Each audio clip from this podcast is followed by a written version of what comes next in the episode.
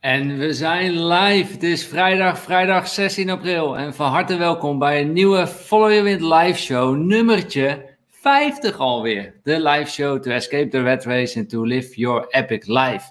Ja, waarom ook niet? Waarom zullen we ook niet meteen voor ons epic life gaan? Het leven is te kort om het uit te stellen. Dus laten we vandaag weer een aantal stapjes daarvoor zetten voor ons uh, Epic Live. Dat gaan we samen doen tijdens deze Follow Your Wind live show. Wat is het idee van deze Follow Your Wind uh, live show? Dat is het volgende. We praten hier over ondernemen en investeren. En we doen dat altijd even met een, uh, een disclaimertje. Je kent het wel, van de VAR hè, tegenwoordig. Die hebben wij ook. En dat is dat wat wij je vandaag gaan vertellen is absoluut niet de waarheid. Het is slechts een idee. En we nodigen je uit om je eigen visie te ontwikkelen. Maak jezelf financieel slimmer en mentaal sterker, zodat je in alle vrijheid kunt doen wat je wilt doen en wat je doen te doen hebt op deze wereld. En dat is waar Follow Your Wind voor staat. En onwijs tof dat jullie er allemaal weer uh, bij zijn uh, vandaag. En weet ook dat wij deze live show speciaal voor jou maken en met jou maken. Want je hebt het vast al gezien, aan de rechterkant in je beeld is er ook een live chat. En daar mag en kan jij gebruik van maken tijdens deze live show. Dus doe mee, stel je vragen. Dan kan ik deze vragen van jou ook weer stellen aan onze gastspreker. En dat is hoe wij deze Follow Your Wind live shows echt samen maken. Want Follow Your Wind doe je niet alleen, Follow Your Wind doe je samen. En daarover gesproken te hebben, twee kleine mededelingen die ik graag met jullie wil, uh, wil delen. Uh, allereerst, follow you in de groep. Ja, ja, ja, de mijlpaal is bijna bereikt. We zitten op bijna duizend leden in de Follow Your Wind, de groep. De groep waarin we elkaar dus stimuleren op een positieve manier naar financiële vrijheid. Waarin we kennis met elkaar delen die we niet vinden op de mainstream media. Waarin we elkaar helpen, ondersteunen, tips geven. Dat gebeurt allemaal in de, in de groep. Uh, we zitten nu op ongeveer, volgens mij uit mijn hoofd, 981 leden. Dus nog 19. Meld je even aan. Je kunt je gewoon gratis aanmelden followyourwind.com slash groep. En daar gaan we ook gewoon door na deze live show. Gaan we gewoon iedere dag door ook uh, in de groep. Um, de groep waarin we elkaar dus uh, stimuleren naar financiële vrijheid. Uh, doe mee, het is, het is gratis en geef daar je input.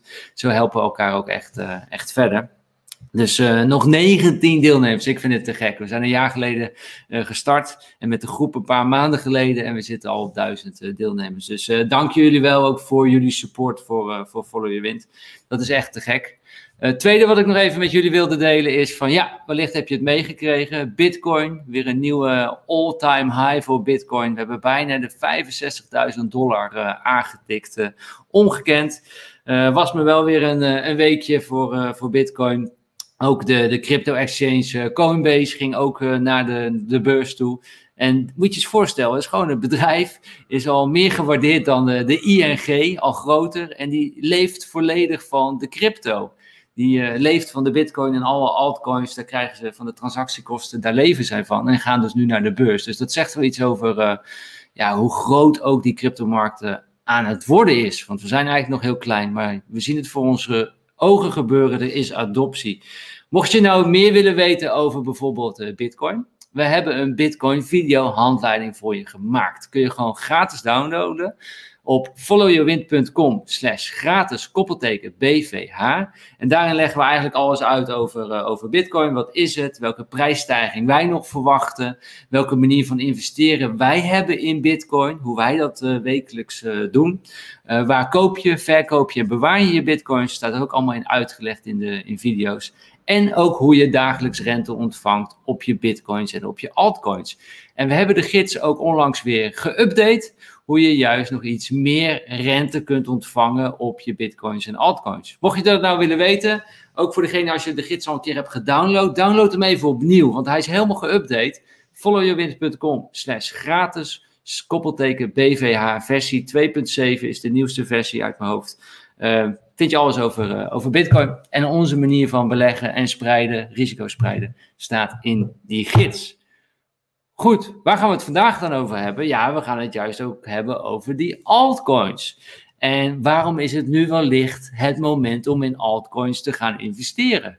Zoals het uh, op internet en op YouTube wordt het ook wel genoemd, het alt season. Waarom is dat nu eigenlijk?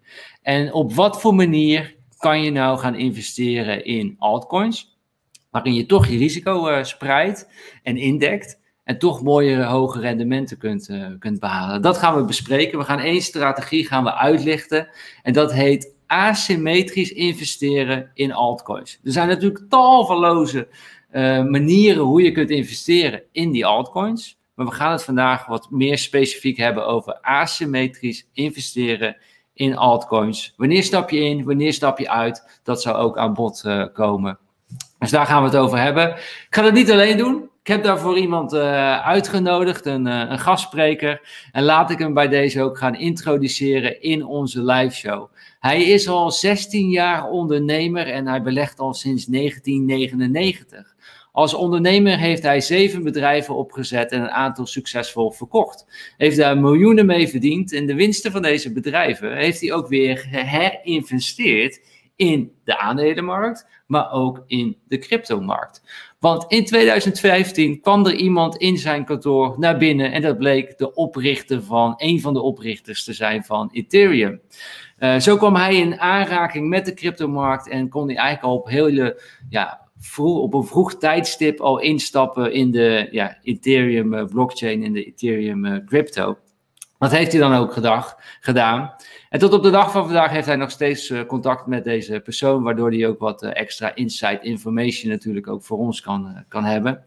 Naast dat hij ondernemer en investeerder is, steunt hij ook goede doelen, zoals bijvoorbeeld in, in Kenia. Daar helpt hij bij een project voor schoon drinkwater en helpt hij ook weer met ja, de, de opbouw, de vervanging van daken op, op klaslokalen. Mark is voor mij echt het voorbeeld die gewoon laat zien, weet je, als je het financieel ook goed hebt en je hebt het goed gedaan, dat je daar gewoon heel veel mooie dingen mee kunt, kunt doen. Um, en dat je juist uh, ja, hele mooie vrijheden hebt en keuzes. En waarin je ook weer je geld kunt, uh, kunt investeren. Maar ook uh, ja, je anderen daar weer beter mee kan, kan maken. Dus ik vind hem echt onwijs tof. En dankbaar dat hij bij ons in de, de live show is. laten we hem vandaag, laten we hem dan ook bij deze intro, de, laten we hem erbij halen zou ik zeggen. En jullie weten hoe jullie dat kunnen, kunnen doen. Uh, klik even op dat duimpje. Daarmee geef je een uh, groot applaus voor uh, onze gastspreker. En ik noemde natuurlijk al even zijn naam. En het is normaal helemaal spannend wie het is. Maar jullie weten het natuurlijk ook allemaal. Klik even op dat duimpje en jawel. Mark Dame in de live show. ja, dankjewel Stijn. Wat onwijs leuk om zo ontvangen te worden vandaag. Ik heb er heel erg veel zin in. ik begreep dat er veel mensen zijn die, die meekijken vandaag. Dus uh, dat, uh, dat uh, legt wat druk erop. Dus nou laten we lekker aan de slag gaan. Ik heb er zin in.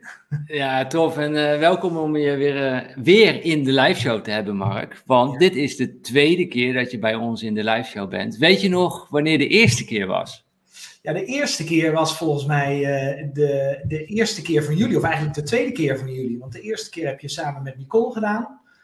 met jouw lieftallige partner en vriendin, levensgezel. En uh, de tweede mocht ik instappen, klopt dat? Exact, dus we zijn op uh, uh, woensdag 1 april, was de allereerste live show. Dat was met Nicole en mij en ons verhaal hebben we daarin gedeeld. Ja. En de tweede live show was met jou op vrijdag 3 april. En dat was, om 12, ja, dat was om 12 uur. En dat was wel een leuk, uh, nou, even achter het scherm, een mooi momentje. Ik zei tegen Mark van ja, laten we om 12 uur doen. Dan schijnt het licht mooi uh, in, in het huis, weet je. Dus uh, laten we dat tijdstip doen. Ik heb nu allerlei studiolampen om me heen staan, dus het is niet meer belangrijk. Maar zo is het ontstaan. Vrijdag 12 uur, omdat er dan het licht mooi in het huis viel. En toen, sindsdien hebben we het iedere week gedaan en we zijn 50 uitzendingen verder. Grappig, hè? En uh, echt heel cool dat ik er nu weer mag zijn. En ook heel cool waar je overigens mee bezig bent. Uh, samen met Nicole natuurlijk, die hele movement die jullie hebben opgezet. Nou, ik hoor net dus inderdaad bijna duizend mensen in de, in de, in de groep. Dus ja, wauw, dat is, als, als, je, als dat niet je bewijs is, zeg maar, dat je iets heel goeds bent uh, gestart samen, dan, dan weet ik het ook niet. Ja, het is, ik vind het bijzonder. En ik ben ook alle kijkers die nu kijken of terugluisteren. Ik ben jullie echt zo onwijs dankbaar. Want dankzij jullie kunnen wij allerlei gastsprekers voor jullie uitnodigen. Weet je, wij staan er ook echt in. We doen dit samen. Uh, dus het is geweldig. En ik wil het alleen aan mensen laten zien. Weet je, echt als je ergens voor gaat. Nicole en ik hebben ook 100% commitment gegeven. Zijn hier uh, iedere dag mee bezig. Kijk wat je in een jaar kunt bereiken. een groep van duizend, we hebben een e-maillijst van 10.000. De, de, views gaan ook steeds beter. Gewoon in een jaar tijd door uh, commitment. Maar goed, we dwalen we af. We gaan het hebben. Uh, zo, ik, ik, wilde inderdaad benadrukken. Ik denk dat dat alleen al heel erg cool is en inspirerend is. Uh, dat, je, dat je het gewoon zelf helemaal kunt maken. Dat je het zelf kunt creëren. Jullie hebben dat de afgelopen jaar, nou ja, voor de zoveelste keer natuurlijk weer bewezen. Want dit is niet het eerste wat jullie hebben opgezet. Exact. Ja, maar goed, vandaag gaan we het over jou hebben en over investeren hebben in de, de altcoins. Je, je belegt al sinds 1999. Hoe is dat bij jou ontstaan?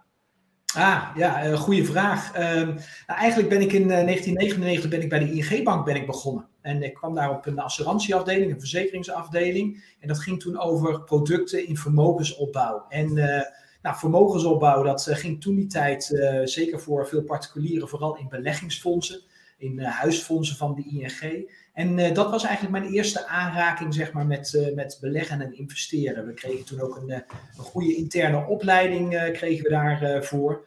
waarbij je echt meteen vol de diepte in ging. En dat was eigenlijk mijn eerste aanraking om, ja, om eigenlijk te leren van nou ja, wat is dat eigenlijk? En nou ja, je zei het net al een beetje, dat heeft me eigenlijk nooit meer losgelaten. Ik ben later gaan ondernemen. Ehm, maar ik heb eigenlijk altijd gekeken hoe ik een gedeelte van de winst uit mijn onderneming, maar ook daarvoor uh, een gedeelte van uh, nou ja, de extra bonussen die ik had uh, met, met, met mijn loondienstwerk. Ja, hoe je dat eigenlijk op een goede manier kunt, kunt, ja, kunt, weer kunt herinvesteren eigenlijk. Zodat en, en... je risicospreiding creëert in je leven.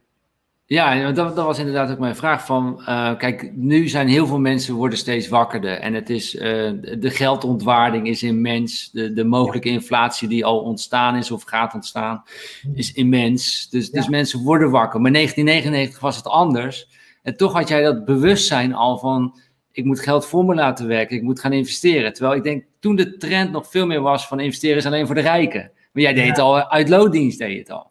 Klopt, ja. Het was ook inderdaad echt de beginfase dat je eigenlijk ook als particulier, ook via je bank, heel makkelijk in ieder geval in beleggingsfondsen kon stappen. Ik weet nog dat ik toen ook bij de Postbank uh, zat, wat later over is gegaan naar ING. En bij de Postbank kreeg ik de mogelijkheid om, om relatief makkelijk in, in fondsen te beleggen. En wat je toen had, is die, is die, is die uh, dotcom boom. boom hè?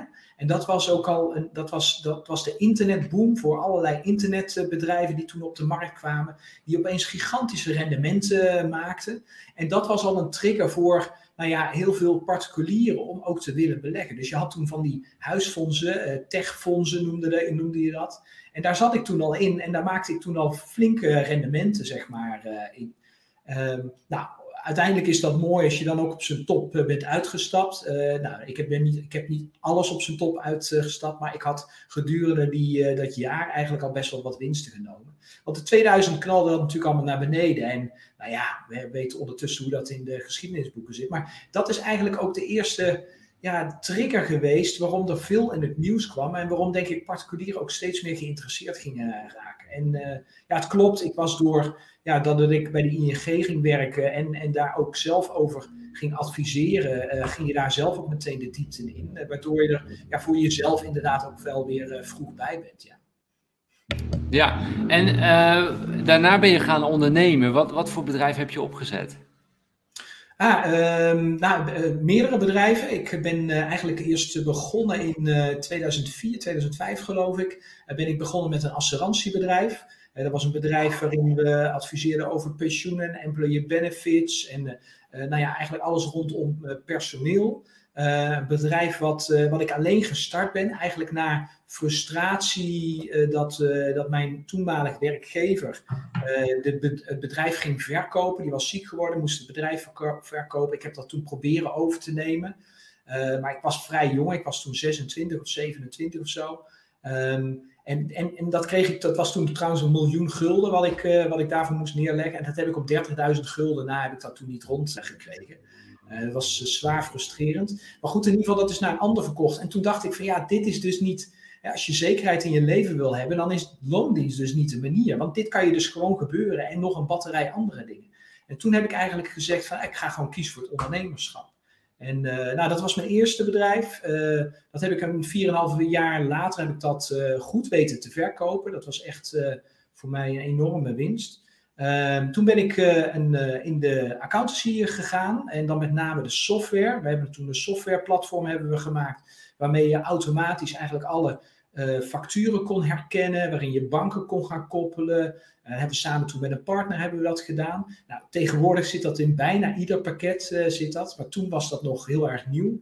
Ja. Dus nou, ook dat heb ik denk ik nog geen vijf jaar gehad. misschien, nou ja, in, in, ieder geval 2018 heb ik dat vervolgens weer verkocht. Dus misschien heb ik dat zes jaar, zeven jaar gehad. toen heb ik nog een ander assurantiebedrijf ernaast gehad, waarin we met name de uh, verdienmodellen om gingen zetten. We hebben nog een leadbedrijf heb ik gehad, nog een marketingbedrijf, coachingsbedrijf voor ondernemers. En uh, nou ja, van alles. En ja, op dit moment zijn we natuurlijk vooral bezig om uh, in deze tijd mensen te helpen hun, nou ja, eigenlijk hun vermogen te beschermen. En gewoon rendementen te halen die gewoon realistisch zijn met mooie projecten. en daar gaan we natuurlijk vandaag ook verder over hebben. Ja, exact. En Mohamed zegt ook, eh, Mark gaat er snel doorheen, net of dat het niks is. Uh, maar inderdaad, we, we, willen ook vandaag focussen tijdens deze live show meer over het investeren in de altcoins.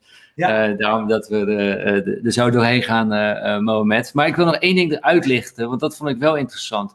Tijdens dat jij die bedrijven had, had je al wel besloten om winsten uit die bedrijven te halen en te investeren. Waarom liet je niet in het bedrijf staan om dat bedrijf groter te, of sneller te laten groeien? Waarom heb je die keuze gemaakt? Ja, precies. Uh, het, het, is te risicovol. En wat bedoel ik daarmee? Op het moment dat jij al je kapitaal, al je eigen vermogen geïnvesteerd hebt in één bedrijf. En er gaat iets fout met dat bedrijf. En, en, en als ondernemer denk je natuurlijk dat er nooit wat fout gaat met jouw bedrijf. Maar dat helaas, helaas gebeurt dat wel. Uh, kijk nou afgelopen jaar, weet je, op het moment dat je in de horeca zit. Je hebt net uh, een, een, een, oude klant van mij, die had net een strandtent had hij overgenomen heeft hij een paar miljoen voor betaald. En drie weken nadat hij die overgenomen had, uh, raakten we in een lockdown. En sindsdien uh, zit hij, uh, heeft het dus alleen maar geld gekost en is hij ondertussen ook failliet. Dus weet je, je één bedrijf, als je investeert in één bedrijf, dat is gewoon te risicovol. En ik geloof erin dat als je op de lange termijn gewoon goed geld wil kunnen maken, echt je vermogen wil kunnen laten groeien, je kleine spaargeld, wat mij betreft met 100 euro in de maand wil op laten groeien tot, uh, tot levensveranderende vermogens, tot levensveranderende bedragen, ja, dan zul je moeten leren te spreiden. Ehm, en, uh, en dat is wat ik ook inderdaad uh, altijd gedaan heb. Ik heb altijd gekeken van oké, welke winst maak ik in mijn bedrijf? En welke winst heb ik niet nodig voor directe investeringen in mijn bedrijf? En welke winst ga ik dus gebruiken om eigenlijk in andere bedrijven te investeren? En de manier waarop ik dat dan gedaan heb, is dat ik vooral inderdaad in eerste instantie in de aandelenmarkt heb gekeken. Maar eigenlijk sinds 2015 uh, ja, voor een groot gedeelte vol in de, in de blockchain-markt uh, bezig ben om daar te investeren. Omdat ik ook geloof dat dat de toekomst is. De, de grootste bedrijven op aarde op dit moment, dat klinkt gek, maar ik geloof dat die op de lange termijn geen toekomst meer hebben. Dat die worden overgenomen door alles wat er nu in de blockchain uh, ontwikkeld wordt. En het enige wat dat nog tegenhoudt en waarom we nog, uh, daar nog een aantal jaren in te gaan hebben voordat een Google of een Apple wordt uh, overgenomen of eigenlijk de markt wordt uitgewerkt, is uh, om, omdat we nog op gebruiksvriendelijkheid zitten. Maar als je gaat kijken wat de ontwikkelingen alleen al de afgelopen twee jaar zijn geweest, dat is krankzinnig hoe mooi dat allemaal is en wat er allemaal gebeurt. Dus ik geloof heilig in die blockchain-markt wel, vooral voor iedereen die ook uh, een vrijer leven eigenlijk wil creëren. Een leven waarbij je zelf meer eigenaar bent van, nou ja, alles. En, en dat zijn we nu natuurlijk niet. Als je op internet gaat kijken, hè, we zitten nu op YouTube, zitten we natuurlijk, maar wij zijn geen eigenaar. Wij zijn geen eigenaar van de video die daar straks uh, staat. Weet je, dat is YouTube. Die, die, dat ja. geven aan ze. En hetzelfde geldt voor alle sociale media die er op dit moment uh, zijn. Uh, behalve er één overigens, die is op dit moment al in China en uh, is er, of in, de, in Azië is er een vet populaire sociale media die al helemaal vrij is. En waar de contentmaker, dus in dit geval jij en ik, beloond worden door het platform. En dat, is, en dat is de toekomst. Daar geloof ik in. Dus vandaar dat ik daar goed in zit. Maar risico's. Ja, en... wat betreft key in ieder geval. Antwoord ja, maar, maar het is mooi. Jij, jij zegt je moet risico's spreiden als ondernemer, want je bent uh, afhankelijk van één bedrijf. Nou, dan kan je als bedrijf nog verschillende producten hebben en kan je het nog opvangen in die zin. Ja. In, die, in, die zin, hè? maar als je in loondienst bent, heb je natuurlijk ook, ben je ook afhankelijk van dat bedrijf. Dan heb je ook maar één inkomen en moet je ook gewoon gaan spreiden. Precies, ja. Nee, dat, dat, dat is in ieder geval wat wij altijd zeggen. Samen met uh, Annemiek ja. Uh, en wij zeggen we altijd tegen iedereen die maar, waar we maar mee mogen praten hierover: van, zorg voor spreiding, spreiding, spreiding. Dat is de key. Ja. ja. en vind je het nu niet spannend, want je hebt die bedrijven verkocht. Uh, je, je, je was daarmee financieel vrij, je kon eigenlijk gewoon gaan rentenieren. Hè? Ja. Je, je, hoeft niet meer te, uh, te werken. Vind je het niet spannend om dan all in te gaan in aandelen en crypto? Ah, ja, nee, juist niet. En zeker nu niet. Uh, ik geloof niet in de huidige economie meer. Het kapitalisme wat we tot nu toe kennen, uh, daarvan ben ik 100% overtuigd dat dat zijn, uh, zijn houdbaarheidsdatum gehad heeft. En dat betekent dat geld op je bankrekening hebben staan, of überhaupt bij een bank hebben staan, eh, voor mij een no-go is, no is geworden. Um, we zien dat natuurlijk ook de afgelopen tien jaar eigenlijk al. Dat heeft bijna niemand door. Maar sinds dat we de vorige uh, financiële crisis hebben gehad, de hypotheekcrisis, uh, de onroerend goedcrisis, de bankencrisis, vervolgens de landencrisis, waarbij Griekenland, Spanje, Italië op het punt stonden van faillissement. Sindsdien is de inflatie, de verborgen inflatie, enorm toegenomen. En daarmee zie je dus ook dat je geld wat je bij een bank hebt staan, gewoon op een spaarrekening, dat je, het is niet alleen dat je lage rente krijgt. Nee, het, het, het, het, het, het, het, meest erge is, is dat het gewoon ieder jaar veel minder waard wordt. En, ja. uh, en, en, en, en dat, dat, dat is een reden voor mij om juist niet wat veel mensen als veilig beschouwen, die spaarrekening, die bankrekening, ja, dat is voor mij niet veilig. Wij, hebben letterlijk alleen maar op onze doorlopende rekening staan wat we de komende drie maanden aan vaste lasten hebben. That's it. Voor de rest zit alles in aandelen en in de cryptomarkt. Ja, nou, maar dit is zo'n mindshift ook voor, uh, voor mensen. Want ik hoor ook vaak, zo vaak mensen ook om ons heen zeggen dan... Uh, ja, nee, investeren vind ik te risicovol. En terwijl, ja, kijk, niet investeren, dat is inderdaad... Heb je, geen, heb je een zekerheid dat, je, dat het achteruit gaat, zeg maar. En dat, dat vinden mensen acceptabel. Hè? Ja. Dat het, nou, de overheid zegt 2%, maar we weten allemaal dat het veel meer inflatie is. Kijk naar de huizenprijzen. Uh, ja, de, maar ze vinden het acceptabel dat uh, ieder jaar hun vermogen 2% achter, achteruit gaat. Ja. Uh, maar we willen niet dan het risico van investeren nemen dat, ja, het, je, je moet. En als je gaat spreiden, uh, loop je wellicht veel minder risico zelfs dan die 2% natuurlijk. Kijk, wat, wat, wat, ik al jarenlang doe, is kijken wat de, wat de allerrijkste ter wereld doen. Wat de allerrijkste beweegt, waar ze heen bewegen. En uh, op het moment dat je dat volgt, kijk, dat, dat zijn de mensen die zijn geïnformeerd over dingen die wij nog lang niet weten. De dingen die pas over, letterlijk over twee, drie jaar in het nieuws komen, die weten zij nu al. Omdat, ja, dingen worden, dingen zijn geen toeval. Alles wordt gecreëerd en alles wordt van tevoren wordt het, wordt het bedacht en gaan we een bepaalde kant op. En als je nu afgelopen jaar bijvoorbeeld keek, uh, dan zie je een heel mooi bewijs daarin, wat nog zelfs verder gaat dan, dan dat alleen maar je bankrekening geen veilige optie meer is. Goud en zilver, metalen, hebben we altijd, zolang de mensheid bestaat, en zolang we terug kunnen kijken, en dat is minimaal 5000 jaar, is goud en zilver altijd de redder geweest op het moment dat fiat geld, wat we nu gebruiken, in een onzeker vaarwater terecht kwam. Dus in alle tijd zag je altijd daar een vlucht heen. En wat we afgelopen jaren hebben gezien, is dat goud en zilver overigens, maar vooral goud, die had enorm moeten gaan stijgen. En dat heeft hij ook heel kort gedaan. Niet enorm overigens, maar wel een beetje. Maar wat hebben we wel gezien? We hebben gezien dat het grote geld, uh, en het grote geld zijn institutionele beleggers, private bedrijven, maar ook uh, family offices. Family offices zijn uh, zijn stichtingen waar eigenlijk familiegeld in zit, waar heel veel geld in zit. Waar zijn die allemaal naartoe gegaan? Naar de blockchainmarkt. Ze hebben goud, hebben ze links laten liggen. En ik heb uh, best wel veel contact met uh, een aantal grote investeerders die ook vanuit de Wall Street omgeving komen. En we hebben daar laatst hebben daar een heel mooi gesprek over gehad. En die zei ook, dat, en dan hebben we het over iemand die al meer dan 35 jaar in de, in de financiële wereld rondloopt. Hij zegt, goud was voor mij ook altijd heilig. Maar hij zegt nu in mijn persoonlijke portefeuille waarin ik altijd 10% goud aanhield, altijd, ongeacht de tijd. Uh, en 1% crypto, sinds 2014 zat hij er dan in.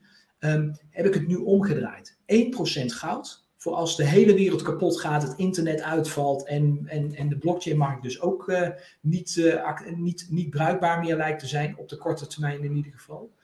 Daarvoor heeft hij nog 1% van zijn vermogen in goud.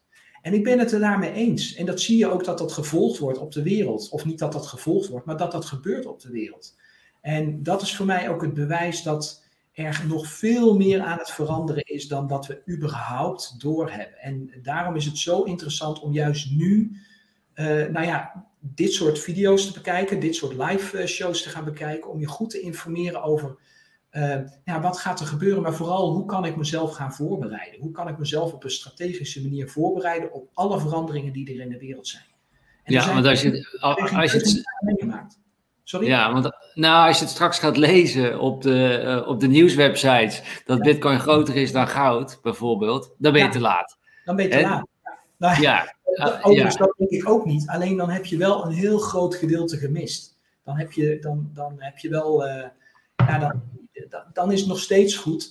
alleen als je vanuit rendementsoogpunt, laat ik het zo zeggen, heb je dan een enorme boot gemist.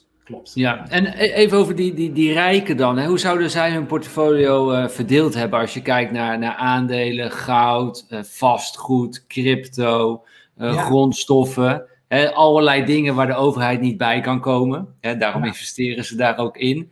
Ja. Um, hoe, hoe, denk je wat, een, wat, wat hun verspreiding is? Of wat, welke verspreiding hou jij zelf aan?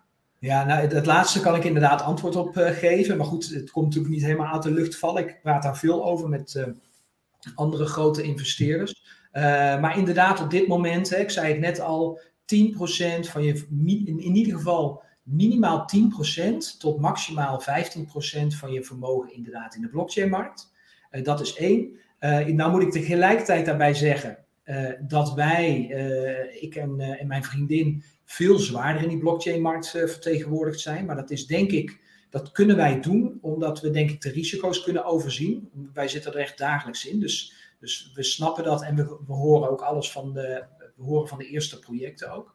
Maar als je gewoon zegt van hé, hey, ik wil gewoon op de lange termijn rust, 10 tot 15 procent in de blockchainmarkt, 50% in de aandelenmarkt, waarbij je dan echt wereldwijd naar uh, markten gaat uh, kijken. Van die 50% vervolgens weer 50% uh, in de Amerikaanse aandelenmarkt, omdat dat heel erg veel bepaalt op de wereld. Um, ehm, 1% in metalen, hè, dus dat is goud, zilver. Uh, met name zilver vind ik op dit moment interessant vanuit rendementsoogpunt ten opzichte van goud. Verwacht ik dat zilver het beter het komend jaar gaat doen dan goud, maar dat is een momentopname. Maar in ieder geval 1% in, in metalen voor, nou ja, als de hele wereld vergaat, weet je, dan heb je in ieder geval metaal. En dan het liefst de fysieke metalen. Dus uh, wij, hebben, uh, wij huren een kluis ergens en daar liggen inderdaad fysieke metalen liggen daar, liggen daarin. die kun je dus op een gegeven moment ophalen als dat, als dat om wat voor reden nodig is. Um, de, maar ook 5% in, uh, in, uh, in, uh, in exclusieve dingen. Dus bijvoorbeeld horloges. Als je nu naar horloges of bepaalde kunstvoorwerpen gaat kijken, die zijn booming. Ik was, vorige week was ik bij een juwelier en toen vroeg ik ook heel even van, hey, hoe gaat dat nou? Hij zegt, ja, alle traditionele horloges zoals Rolex's, die zijn de afgelopen drie jaar, zijn die bijna verdubbeld in waarde. Dus ook op het moment dat jij nou ja, uh, dat, dat, dat, uh, dat je een paar duizend euro hebt liggen waarvan je zegt van hé, hey, dat wil ik op een goede manier investeren. In zo'n horloge, waar natuurlijk ook inderdaad niemand bij kan, is een hele goede of andere sieraden. Maar het gaat echt om exclusievere producten dan. Um, kunst, uh, wordt ook door Karin gezegd, kunst inderdaad. Ja. Kunst, kunst ja. absoluut. Een supergoeie inderdaad. Ja. En vastgoed? Vastgoed, absoluut. Uh, zeker voor een 20%, maar wel het juiste vastgoed. En uh, wat bedoel ik daarmee? Uh, dat je, dat je en dat is mijn visie, hè, maar dat, dat je vooral kijkt van, weet je, mensen moeten ergens wonen. dus als je een woonhuis hebt, of een, of, een, of een appartement, of dat soort dingen, of investeert in een, in een, in een groep die appartementen beheert, hè, dat is nog beter in het kader van risicospreiding. Uh, dan, uh, dan zit je aan de goede kant. In kantoorpanden, ik geloof daar al heel lang niet meer in. Dat zie je ook al nee. sinds 2008, zie je dat er nog steeds heel veel panden gebouwd worden. alleen dat, er, dat de panden niet meer gevuld zijn. En dat ze nu langzamerhand, sinds een paar jaar zie je al die met name oudere kantoorpanden, die worden omgezet naar uh, appartementencomplexen of nou ja, studio's of wat dan ook. Dus ik denk vooral woningen, dat dat een hele veilige, veilige is, want mensen moeten ergens wonen. Ehm, en dan een hele gekke, maar dat komt, die, komt, die, die zie je niet echt ergens terug. Maar supermarkten. Op het moment, eh, als we gewoon het afgelopen jaar gaan bekijken met alle lockdowns, ja, wat was er open? Een supermarkt. Alles ja. food, dat is open.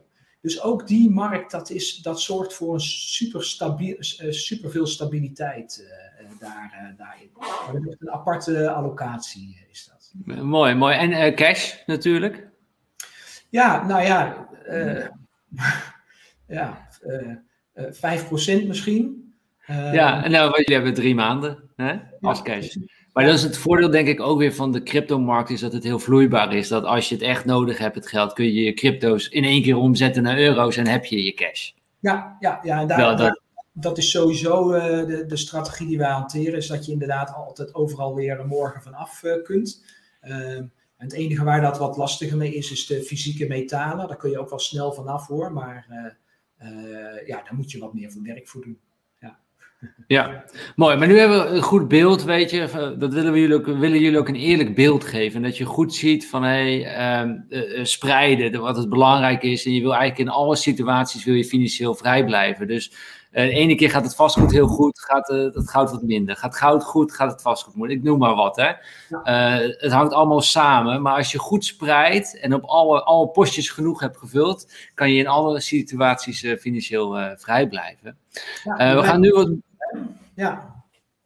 En we willen nu graag wat inzoomen ook op de, op de crypto-markt. Ja. En kijken hoe we daar investeringen kunnen maken, zodat we de potjes nog meer kunnen gaan, gaan vullen. Um, ik, ik, moet ook even kijken naar het niveau natuurlijk onder onze, onze kijkers. Uh, laten we gewoon bij het begin beginnen. Je hebt Bitcoin en je hebt altcoins. Ja. Wat is het verschil? Ja, uh, eigenlijk heel makkelijk. Bitcoin, dat wordt beschouwd als de eerste coin. Dat is overigens niet zo hoor. Er waren ook coins daarvoor. Maar dat is in ieder geval de eerste succesvolle coin. En eigenlijk alle, uh, alle andere coins die daarna gekomen zijn, dus alles wat er in de blockchain daarna gebouwd is, dat noemen we altcoins. En dat komt vanuit alternatieve coins ten opzichte van Bitcoin komt dat vandaan. Dus dat is gewoon een verzamelnaam voor alle overige projecten. Exact, alternatieve coins. Het is eigenlijk heel uh, simpel. Uh, ik zag net nog even een vraag voorbij komen, was wel een goede. Oh, uh, waar zie ik die nu? Uh, ja, van Matthea, een beetje een newbie-vraag wellicht, maar blockchain is toch crypto? Dit is wel goed, denk ik, om even uit te leggen ja. hoe, hoe het zit. Ja, ja. ja, dat is inderdaad een goede vraag. Um, en het wordt vaak inderdaad een beetje door elkaar gebruikt. Dus ik kan me ook snel voorstellen dat daar verwarring over kan zijn. Um, je hebt eigenlijk de complete blockchain-markt. Dat is alles wat decentraal gebouwd wordt. Dus alles wat er in een, op een decentrale manier gebouwd wordt. Of producten of bedrijven die weer op die blockchain bouwen, die beschouwen we allemaal als, als, als de blockchain-markt eigenlijk. En de crypto's, uh, dat, daar is nog wel veel verwarring over. De cryptocurrency, daar komt het eigenlijk vandaan. De munteenheid, dat is eigenlijk speciaal voor die blockchains die ook echt een munteenheid hebben. Dus Bitcoin heeft bijvoorbeeld een heel duidelijke uh, munteenheid. Litecoin heeft een duidelijke munteenheid. De functie daarvan is als, als, als uh, vervanging voor geld te zijn. Um, Dash is bijvoorbeeld heel duidelijk een munteenheid. Maar bijvoorbeeld Ethereum wordt ook vaak een cryptocurrency genoemd. Maar dat is het eigenlijk niet, want Ethereum is een heel ander netwerk. En ik snap wel waarom mensen het noemen, want ja, je kunt daar wel mee. Um, uh, je kunt daar, het stuk, heeft natuurlijk een geldwaarde, maar in het Ethereum-netwerk uh, is de munt de ether. En de ether is eigenlijk een soort van brandstof. Dus het is niet een munt, maar het is de brandstof. En dat is best te vergelijken met een eh, auto bijvoorbeeld.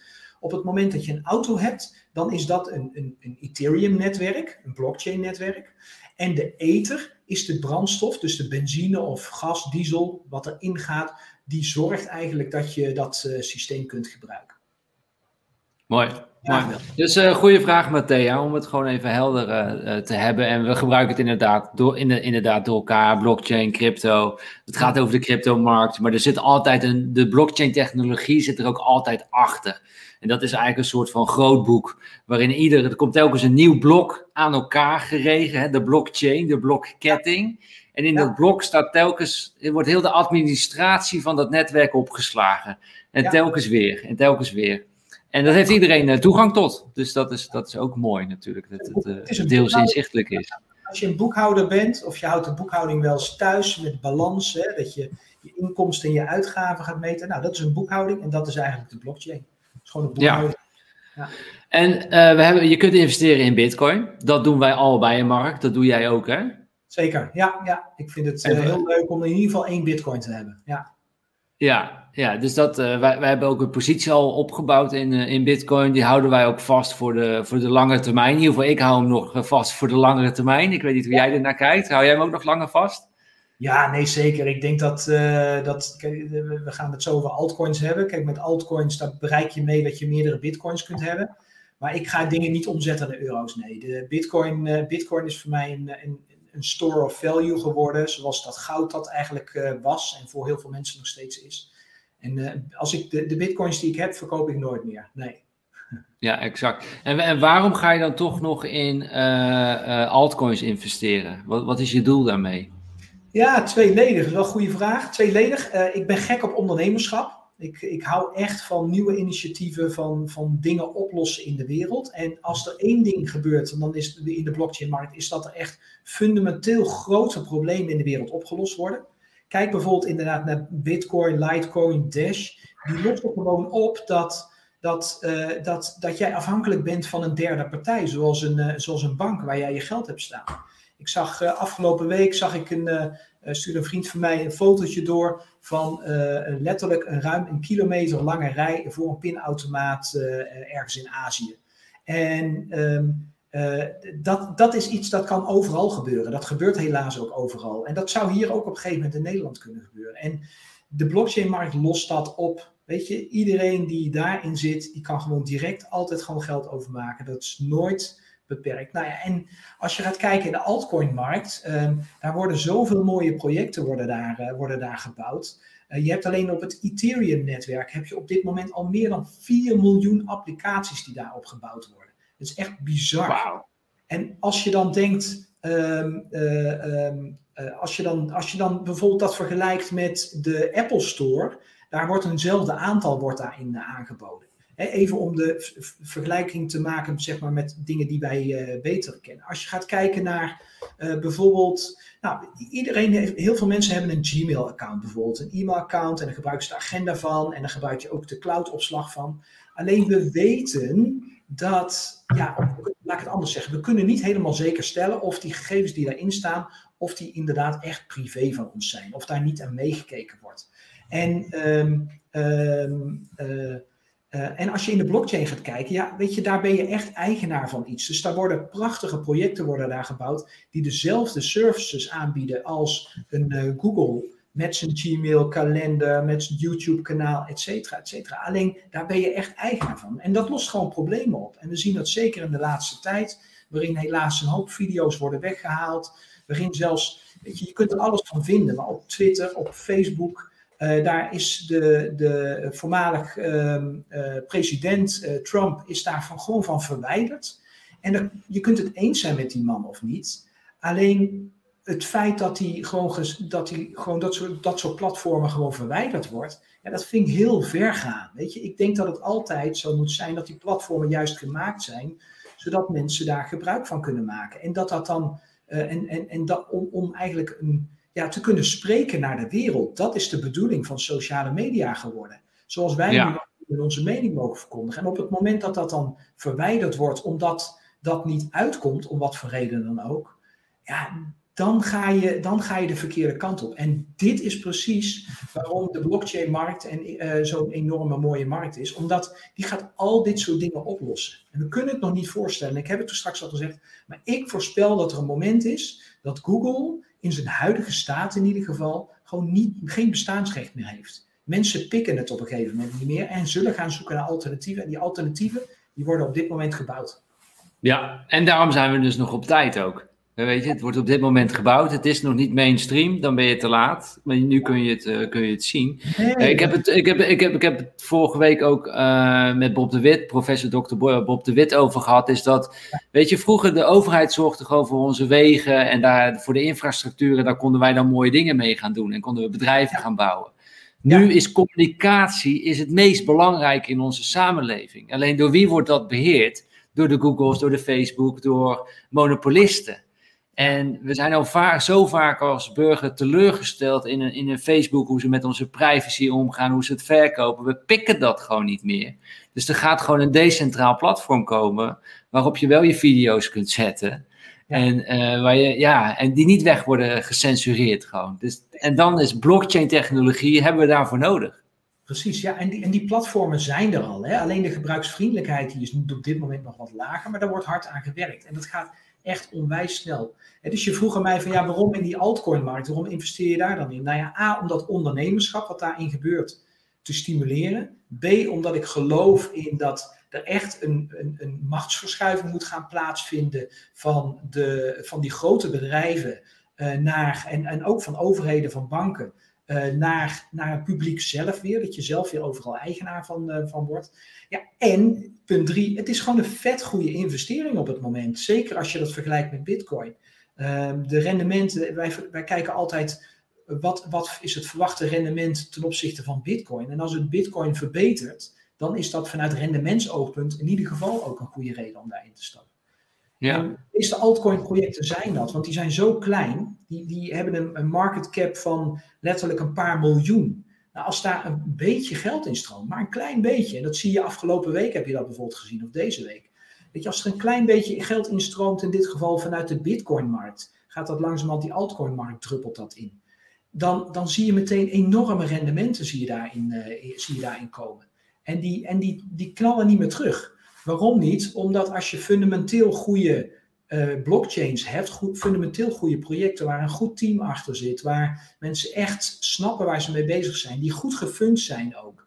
Uh, en tegelijkertijd die voldoende belangstelling heeft van een groter publiek, niet alleen vanuit investeringsoogpunt, maar ook vooral vanuit gebruikersoogpunt, dan heb je succesvolle dingen. De, de Brave browser vind ik daar bijvoorbeeld een prachtig voorbeeld van. Als, als jij nu kijkt en jij gebruikt die nog niet, download brave.com. Download die browser. Die is sneller dan de Google browser. Is zeker zo gebruiksvriendelijk. Je kunt zelf kiezen of je lastiggevallen wil worden met advertenties. En als je lastig wil worden met advertenties, dan word jij als advertentiekijker daarvoor beloond. Um, ze volgen niet automatisch je IP-adres. Dus je hoeft niet eens een VPN-verbinding te hebben, die alleen maar vertraagt. Maar je, je, je, je bent echt heel snel online. Werkt super. En dat is een project, een heel duidelijk project, wat in de blockchain is gebouwd. Dit is een blockchain-project. Geweldig, geweldig. Eh, ik zie hele goede vragen ook binnenkomen via de chat. Die gaan we ook zo uh, bespreken. Ik wil nog even een aantal dingen doen. Ik wil even bespreken waarom uh, komt nu het alt-season eraan.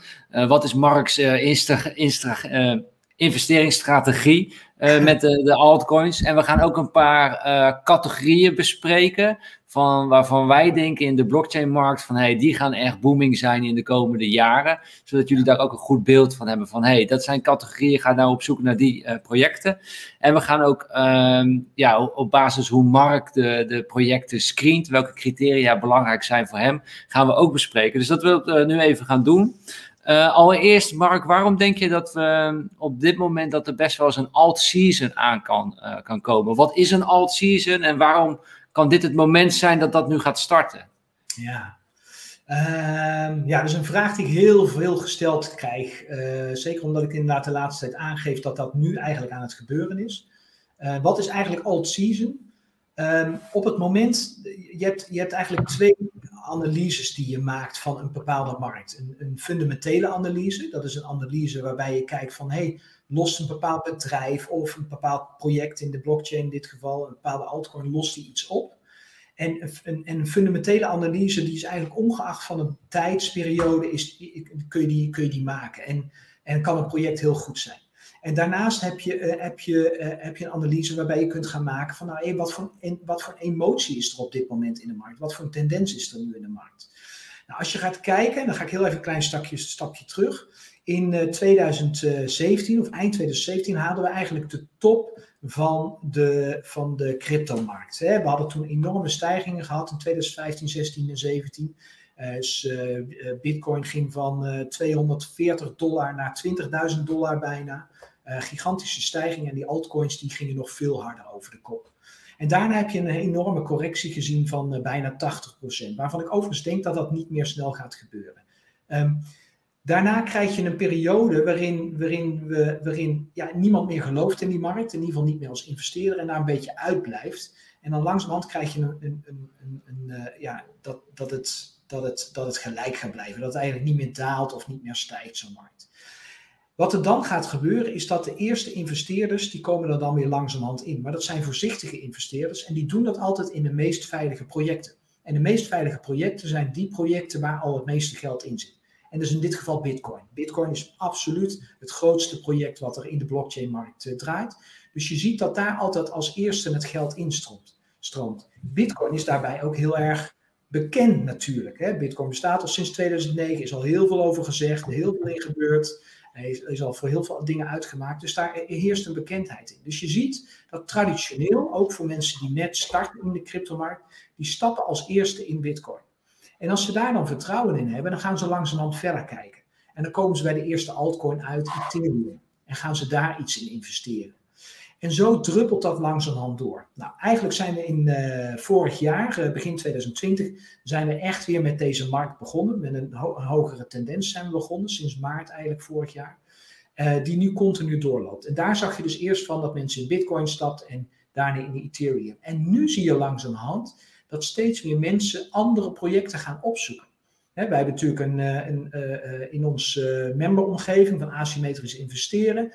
Daar informeren we natuurlijk over, over allerlei blockchain projecten die met name wat kleiner ook zijn. En je ziet dat daar mensen nu het vertrouwen in krijgen om daarin door te gaan druppelen. En dat is de reden waarom het altcoin season nu echt los is gekomen, eigenlijk sinds een paar weken geleden.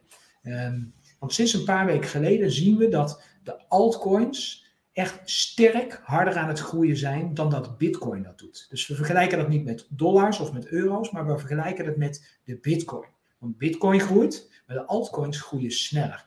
En um, daar zitten we nu middenin. We zitten er nu middenin dat heel veel investeerders die in de, in de eerste fase weer hebben geïnvesteerd in de blockchain-markt, dat die eerst in Bitcoin zijn gestapt en dat die nu via Ethereum langzamerhand gaan doortruppelen in, nou ja, die 4 miljoen applicaties, die 4 miljoen projecten die op dat Ethereum-netwerk gebouwd worden. Ja, dus, dus je kunt zien dat vaak Bitcoin is de first mover, die begint als eerste te, te gaan. Ja. Uh, mensen zitten daarin, mensen pakken hun winsten, denken, oh ik heb winst, uh, ja. nou haal ik dat eruit, heb ik eigenlijk gratis geld. Ja. Uh, of ik haal mijn eigen inleg eruit en ik uh, een beetje winst. Dus nou, dan ben ik weer uh, gereed. En dan kan ik weer mijn inleg, oh, ga ik verdelen. Nou ga ik naar Ethereum. Ga ik naar meer, ga naar die kleine crypto projecten. Ja. waar nog minder geld. Want als je met 500 euro begint, stel je, stel je voor je begint nu met 500 euro. Je legt dat eerst in de bitcoin. Ja, als je dan op een gegeven moment op 750 euro zit, ja, dan heb je 250 euro winst. En dat is cool. En dat is dan het gratis geld al wat je gecreëerd hebt. En, daar, en, en net zoals mensen die een loterij winnen, weet je, je bent bereid om meer risico te nemen met geld wat, wat je relatief makkelijk verdiend hebt. Dus dat zie je dan ook, dat die 250, die gaat inderdaad naar Ethereum toe. En vervolgens gaat die naar, wordt die 500, dan ga je weer 250 eruit halen en die ga je dan weer in andere altcoins doen. Dus je kunt, ja. je kunt met hetzelfde geld eigenlijk, um, kun je steeds meer langzamerhand meer risico gaan nemen. En in die en fase. Het... En dit is ook de eerste altcoin uh, boom die ik nu, uh, die ik nu zie gebeuren. He, dus, want er zijn er, een, er zijn er meerdere deze cyclus, maar dit wordt de eerste. Dus als je er nu bij bent en je kijkt nu en je bent hier geïnteresseerd en je hebt, bent nog niet ingestapt, dan ben je er echt nog steeds heel vroeg bij. Niet alleen gewoon op de lange termijn bekeken, gewoon überhaupt in de blockchain-markt ben je er al heel vroeg bij.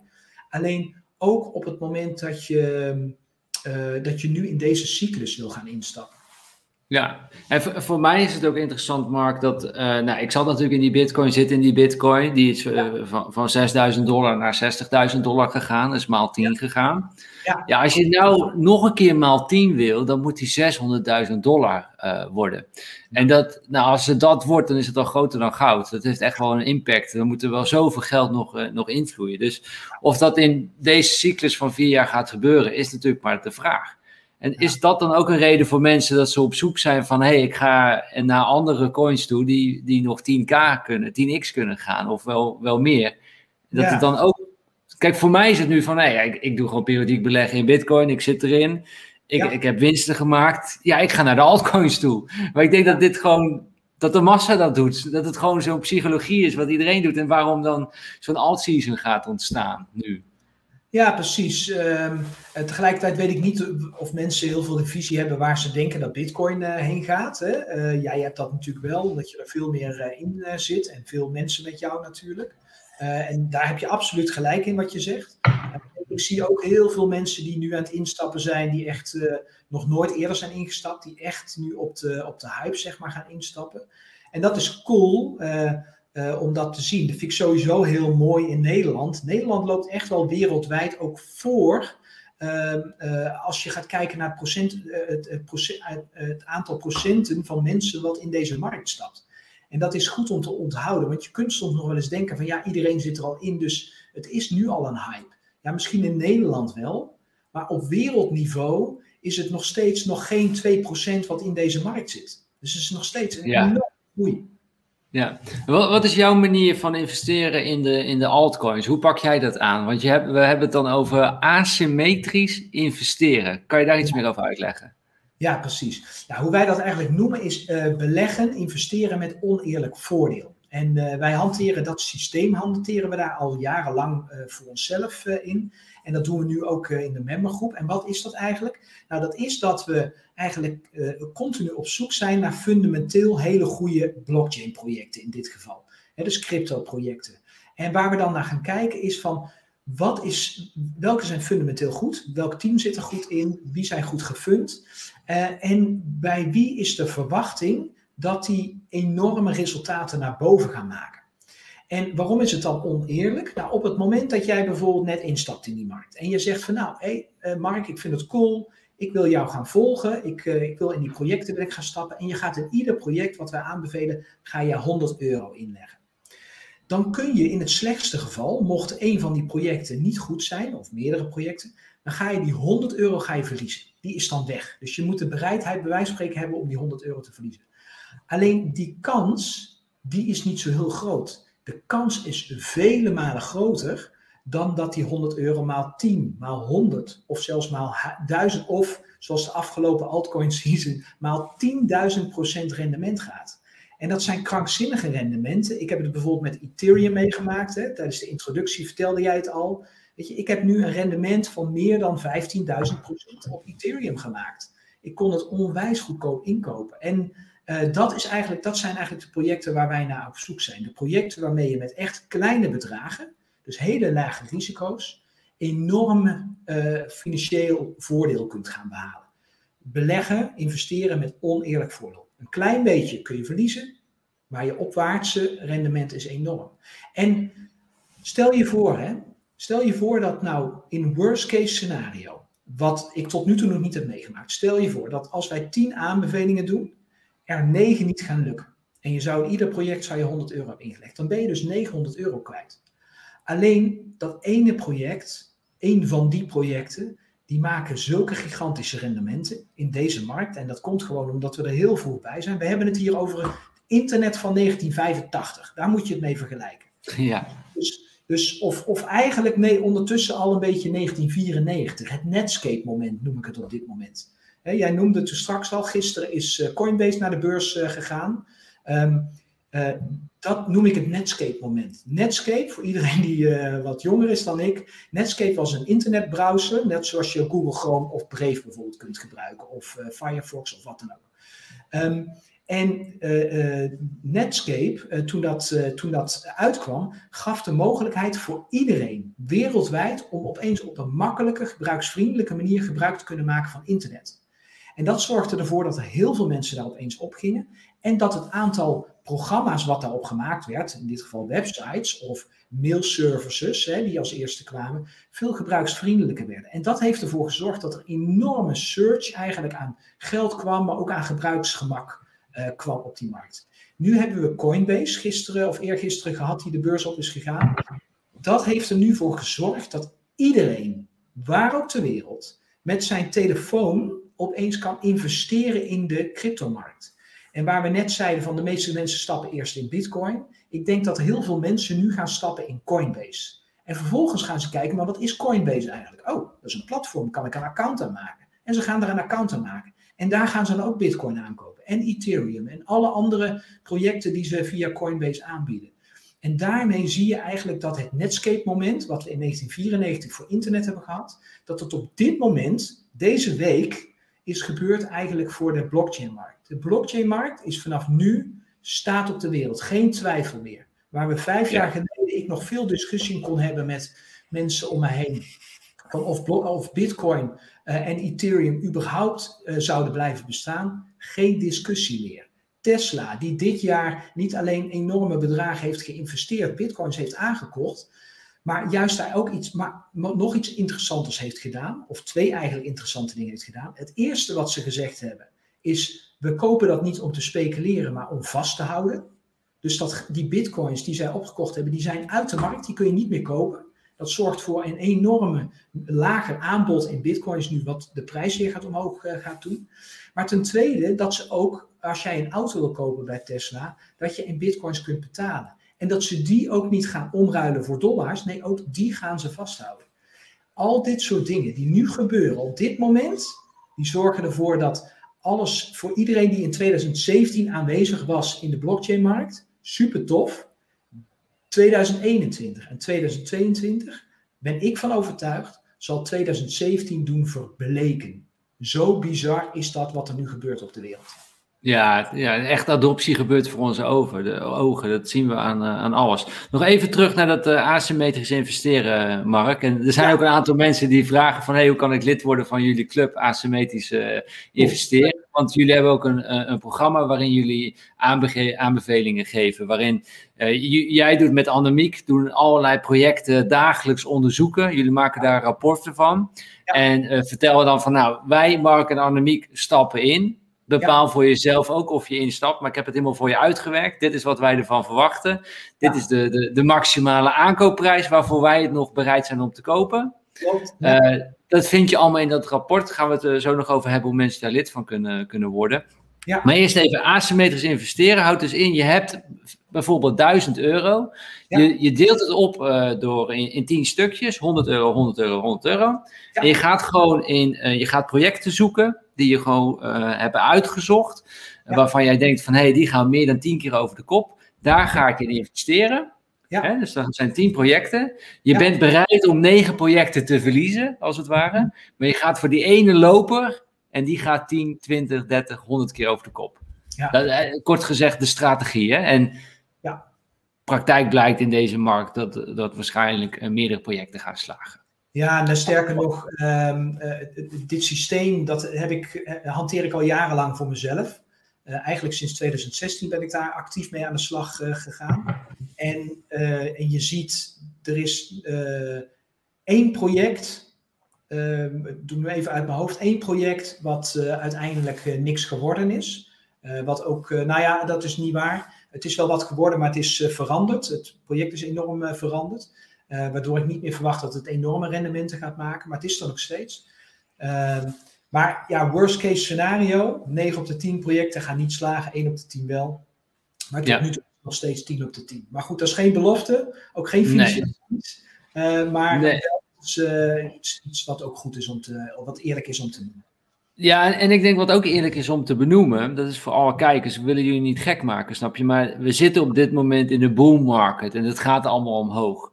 Weet je, als je, als je nu gaat terugkijken, al had jij in de top 100 coins hè, van alle alternatieve coins geïnvesteerd begin 1 januari ja. tot aan, aan nu, dan allemaal staan ze in de plus. Ja, ja. Weet je, dus iedereen had nu winst kunnen maken door te investeren in de, in de, in de cryptomarkt, want ze zijn allemaal omhoog gegaan. omdat we in die boelmarket omhoog zitten. Maar er komt ook een tijd dat het naar beneden gaat en dat je moet uitstappen. Hoe bepaal jij, Mark, wanneer, want dat is, dat is het moeilijkste. Winst maken, winst pakken. Winst maken is niet zo moeilijk, maar winst pakken, dat is het allermoeilijkste. We zijn zo emotioneel geattached en denken altijd dat het alleen maar omhoog gaat, maar dat gaat niet. Want heel veel projecten donderen ook helemaal in en gaan naar nul. Ja, ja. ja en dat hoe, is hoe zorg je dat jij op tijd uitstapt, Mark? Um, en da dat deel je toch ook met, jou, uh, met, jou, met jouw groep uh, ja, in jouw investeringsclub? Ja, absoluut. Allereerst wat je net noemt, dat noem je het popcorn-effect op dit moment. Het popcorn-effect is eigenlijk dat de hele wereld. Uh, Hoor je het even inderdaad. Ja, ja, ja. het popcorn-effect is eigenlijk dat de hele uh, de hele, de hele blockchain-markt eigenlijk, dat die aan het stijgen is. Dus het maakt niet uit waar je in zit. Zelfs de meest crappy projecten, die gaan op dit moment omhoog. Alleen, waarom wil je toch, waarom wil je daar uiteindelijk niet in zitten? Omdat die projecten, die, die, die vallen uiteindelijk als bakstenen weer naar beneden. Er komt op een gegeven moment een punt, en dat, weet, dat weten we nooit precies 100%, maar er komt op een gegeven moment een punt dat die naar beneden knallen en als een baksteen naar beneden vallen en nooit meer omhoog zullen gaan. En we hebben dat uh, in 2017 hebben we dat ook gezien, waren er heel veel crappy projecten waar heel veel mensen geld in investeerden. En uh, nou, die stegen echt in een paar weken tijd, stegen die, eh, gingen die maal 10 of maal, maal, maal 100 zelfs in een paar weken tijd. Om vervolgens daarna naar beneden te knallen en helemaal waardeloos te worden en nooit meer omhoog te gaan. En dat is het verschil tussen wat wij doen en wat, wat, wat, wat, wat ik nu veel ook weer zie gebeuren. Wij kijken naar fundamenteel goede projecten. En fundamenteel goede projecten, die gaan op een gegeven moment ook dalen.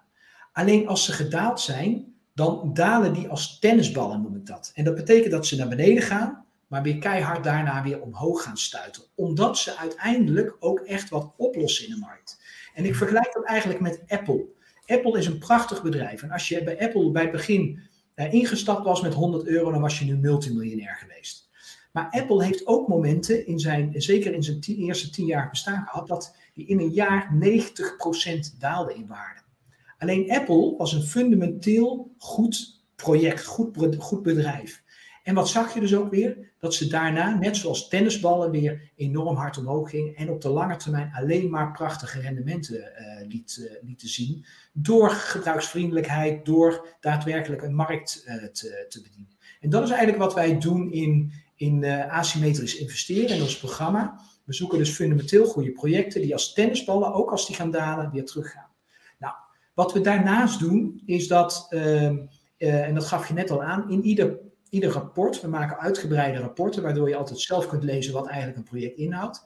Maar we zetten er ook altijd een maximale aankoopkoers bij. En dat is de prijs die wij maximaal op dit moment bereid zijn om te betalen voor dat project. En dat is heel fijn, want op het moment dat je instapt, kun je dus precies zien van of die koers, of die erboven zit of eronder zit. En of je dus kunt aankopen of verkopen. Wat wij ook doen, en dat hebben we bijvoorbeeld in uh, februari hebben we dat gedaan, is dat we verkopen aan gaan geven. Soms doen we 100% verkopen. We hebben bijvoorbeeld een project AION gehad. AION is een prachtig project wat eigenlijk eh, in 2016 uit mijn hoofd al gestart eh, is. Um, alleen de, de, en waar we toen al in geïnvesteerd hebben. Alleen AION die heeft recent, in december, zijn zij, zijn zij veranderd van visie en zijn zij eigenlijk een ander platform gekomen, geworden. Dat was voor ons een reden dat dus de fundamentele waardes eigenlijk veranderen, de fundamentele regels van het project veranderen. En voor ons een reden omdat we daar niet in geloven en ook zagen dat veel mensen daarbij wegliepen, in de zin van dat veel fans daar eigenlijk bij wegliepen hebben we ook gezegd, nou gaan we 100% verkopen. Maar andere projecten hebben we ook in februari gedaan. Die gingen we bijvoorbeeld voor 30% verkopen. Dus dan hebben we een stukje winst hebben we gepakt om even aan de zijlijn neer te zetten. Omdat wij toen ook wisten, hey, wij zijn nu met hele mooie nieuwe projectanalyses zijn we bezig. En daar zullen er in ieder geval tussen de drie en de zes in zitten die onwijs goed zijn. Dus ik wilde dat mijn members een stukje winst gingen nemen om dat dan straks daarna weer te kunnen investeren in nieuwe projecten. En dat is eigenlijk het systeem zoals we dat continu hanteren. Dus, en dat, ja. Het is ook wel mooi dat je dus van, dan begin je met 10 projecten, je pakt de winsten uit en dan kun je weer in je elfde project stoppen. En in je twaalfde, in je dertiende, in je veertiende project pak je weer winsten uit. Dan zit je op een gegeven moment in 20 projecten of in 30 projecten. Klopt, ja. En wat je dan creëert is dat je risicospreiding hebt risicospreiding. Want hoe meer, hoe meer spreiding je eigenlijk hebt, hoe stabieler je groei eigenlijk gaat. En op een gegeven moment, als jij in 20, 25 projecten zit. En er zit één project bij wat op een dag 40% naar beneden knalt. Dat maakt helemaal niet uit. Want in het gemiddelde van je portefeuille zie je dan nog steeds een stijging van 5 tot 10% op die dag. En dat zie je nu bijvoorbeeld ook weer. In, mijn, in de, in de membersomgeving hebben wij uh, een project zitten die is eh, sinds onze aanbeveling 70% gedaald. Maar als je totaal in onze portefeuille gaat kijken, zijn er, uh, is het gemiddeld rendement is nog uh, boven de 80% plus geweest. Dus dat is gigantisch, uh, gigantisch hoog. Ja. ja, iemand vraagt, Marlien vraagt, wat bedoel je met projecten? Ah, goede vraag, ja, inderdaad. Projecten zijn eigenlijk blockchain-projecten, dus cryptocurrency-projecten. Dus dat zijn projecten zoals Bitcoin, Ethereum, Story, AION, nou ja, noem het maar op. Er zijn heel veel oh, projecten. Uh, ja. ja. Ja, waar je normaal in bedrijven in aandelen investeert, in verschillende aandelen, verschillende bedrijven, investeer je nu in verschillende projecten. Achter iedere munt of achter iedere crypto uh, ja, zit een idee en een visie. We noemen het een project, een blockchain project. En daarin kun je investeren. We gaan het zo nog over hebben over categorieën waarvan wij denken die de komende jaren echt booming gaan zijn. En waar je dus op zoek kunt naar, uh, naar bepaalde munten daar ook in. Of uh, blockchain projecten. allereerst Mark, we kregen al vragen, hoe kunnen we lid worden van jouw ja, investeringsclub, laat ik het zo noemen. Maar asymmetrisch investeren, waarin jullie de rapporten maken en delen en aangeven van nou tot maximaal deze prijs kun je nog instappen, anders niet meer. En waarin jullie aangeven dat jullie ook uh, uit een project stappen met zoveel. Hoe kunnen mensen daar lid van, uh, van worden? Uh, nou, goede vraag. Als het goed is, wordt er zo meteen een link wordt er onder deze video gedeeld. ja, die is gedeeld. Ja, um, daar kun je je eigenlijk aanmelden. bij, het programma dat hebben we gelanceerd begin dit, dit jaar. Uh, wij hebben al eerder hadden we andere programma's uh, lopen. Normaal gesproken rekenen we voor dit soort programma's 3000 euro uh, voor een jaar. alleen op dit moment doen we dat niet. En waarom niet? Um, Annemiek en ik, we zitten er samen in. We doen dit sowieso niet voor het geld. maar we doen dit om eigenlijk een enorme mooie bijdrage te leveren aan de wereld. Met alle kennis die wij hebben. En dat we het bereikbaarder willen maken voor mensen om hierin te stappen. In eerste instantie zijn we hiermee gestart eigenlijk voor vrienden en familie, omdat we daar veel vragen over kregen. En dat we eigenlijk, vooral als we aan de telefoon zaten of op een verjaardag waren, niet continu daarover wilden praten. Um, hebben we eigenlijk een omgeving gebouwd. En eigenlijk sinds uh, nou ja, halverwege januari uh, hebben we dat opengesteld voor iedereen. En nu dus ook voor, uh, voor iedereen via Follow Your Wind. Um, maar we zitten er niet in voor het geld, alleen we willen het wel kostendekkend hebben. Want we besteden veel tijd aan die rapporten. We hebben een aantal teamleden die veel uh, tijd en energie erin steken en die ook gewoon een salaris willen hebben. En een heel klein stukje van de winst willen wij ook gebruiken voor uh, de projecten die wij in Kenia draaien. Om een aantal scholen weer juist ook in deze tijd, de coronatijd, extra te helpen rondom het uh, onderwerp hygiëne. Um, dus we rekenen op dit moment rekenen we daar een hele lage prijs voor. Normaal gesproken 750 euro rekenen we daar uh, op dit moment voor. Dus als je rechtstreeks bij ons zou kopen, 750 euro, wat natuurlijk al een gigantische korting is. Maar op dit moment via Stijn en uh, Nicole uh, in, in dit programma voor alle leden van, van de Follow Your Wind Movement rekenen we daar 700 euro voor.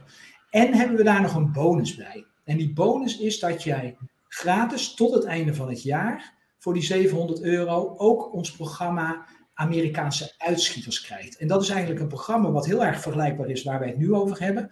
Alleen daarbij helpen we je eigenlijk te investeren in de Amerikaanse aandelenmarkt. En waarom doen we dat? Nou, omdat wij bang zijn dat anders te veel mensen zich alleen maar blind staren op die blockchainmarkt. En geloof me, ik ben echt vol in die blockchainmarkt bezig. Ik ben er super enthousiast over. Ik denk dat dat ook wel duidelijk is na vandaag. Alleen het is ook belangrijk om je risico's te spreiden. En daarom willen we graag dat programma voor iedereen via Follow Your Wind, die, uh, die zich daar nu voor inschrijft, willen we daarin uh, bij doen. En dan heb ik nog één bonus. En Stijn, daar hebben we het niet over gehad. Maar die nee, nee ik, ik, wist alleen dit. ja, en dat is voor de eerste twee inschrijvers van dit project. Dus ga maar vast naar de landingspagina. die krijgt van mij of van Annemiek en mij, want we hebben het daar samen over gehad, krijgen de eerste twee inschrijvers krijgen een gratis Ledger Wallet van ons toegestuurd.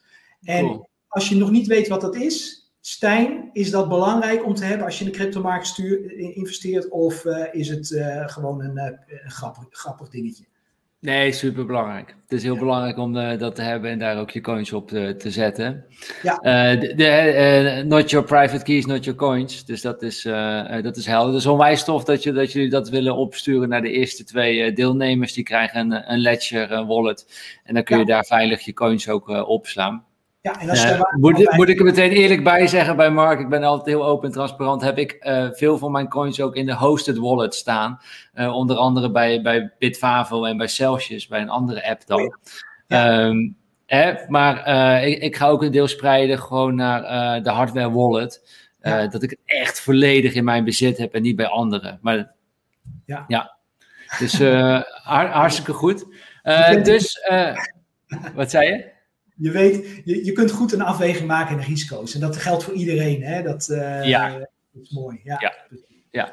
Uh, maar onwijs tof. Dus je kunt je aanmelden voor asymmetrisch investeren. Ga naar de website followyourwind.com slash asymmetrisch. Je krijgt dus de aanbevelingen van Mark en Annemieke op de, de cryptomarkt, maar ook op de Amerikaanse aandelenmarkt. Uh, het bedrag is 700 euro exclusief BTW. En deze aanbieding geldt tot en met aanstaande zondag 18 april 2021, eh, dan uh, gaat het eraf en gaat de prijs dus weer omhoog uh, naar minimaal 750 euro. Dit is, dit, is wel heel cool, Mark, trouwens. Vincent is ook in de, in de live show, die is klant bij jou geworden. En ja. Vincent zegt, ik ben twee weken geleden begonnen bij Mark en Annemiek. Ik ben zeer tevreden hoe ze ons begeleiden. Ook de aanbevelingen zijn top. Ik heb in twee weken al prachtige rendementen gerealiseerd nou, tof om te horen, Vincent. En dat je dat, uh, bedankt, Vincent. Mij is leuk dat je dit deelt. Uh, ja. ja. En, en, Vincent zegt ook, het is ook het eerlijke verhaal. Ik heb het programma van 750 euro gekocht bij Mark Annemiek. Want dat is wat jullie het aanbieden, ook op jullie website. En via Follow Je Wint heb je dus eenmalig het voordeel van 50 euro. Dus dan is het 700 euro. Dus dat, uh, dat klopt helemaal. Ja. en je kunt ook vragen stellen aan jullie, toch? Tijdens het uh, programma? Ja, zeker. Ja, ja, wij krijgen eigenlijk dagelijks krijgen wij vragen via de e-mail. Uh, veel vragen die uh, beantwoorden wij ook in een Q&A.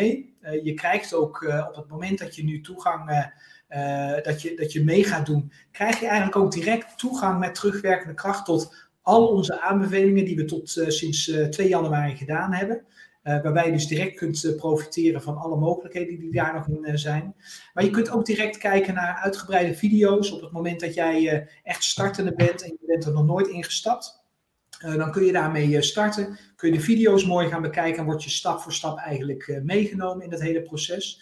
er zijn diverse Q&A's die we al gedaan hebben.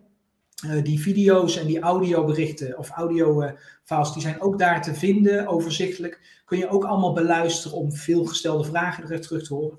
Maar ook als je nog vragen hebt, dan kun je die gewoon uh, dan uh, mailen naar, naar ons. En soms, als het kleine vragen zijn, dan beantwoorden ze, wij ze direct of een van onze teamleden.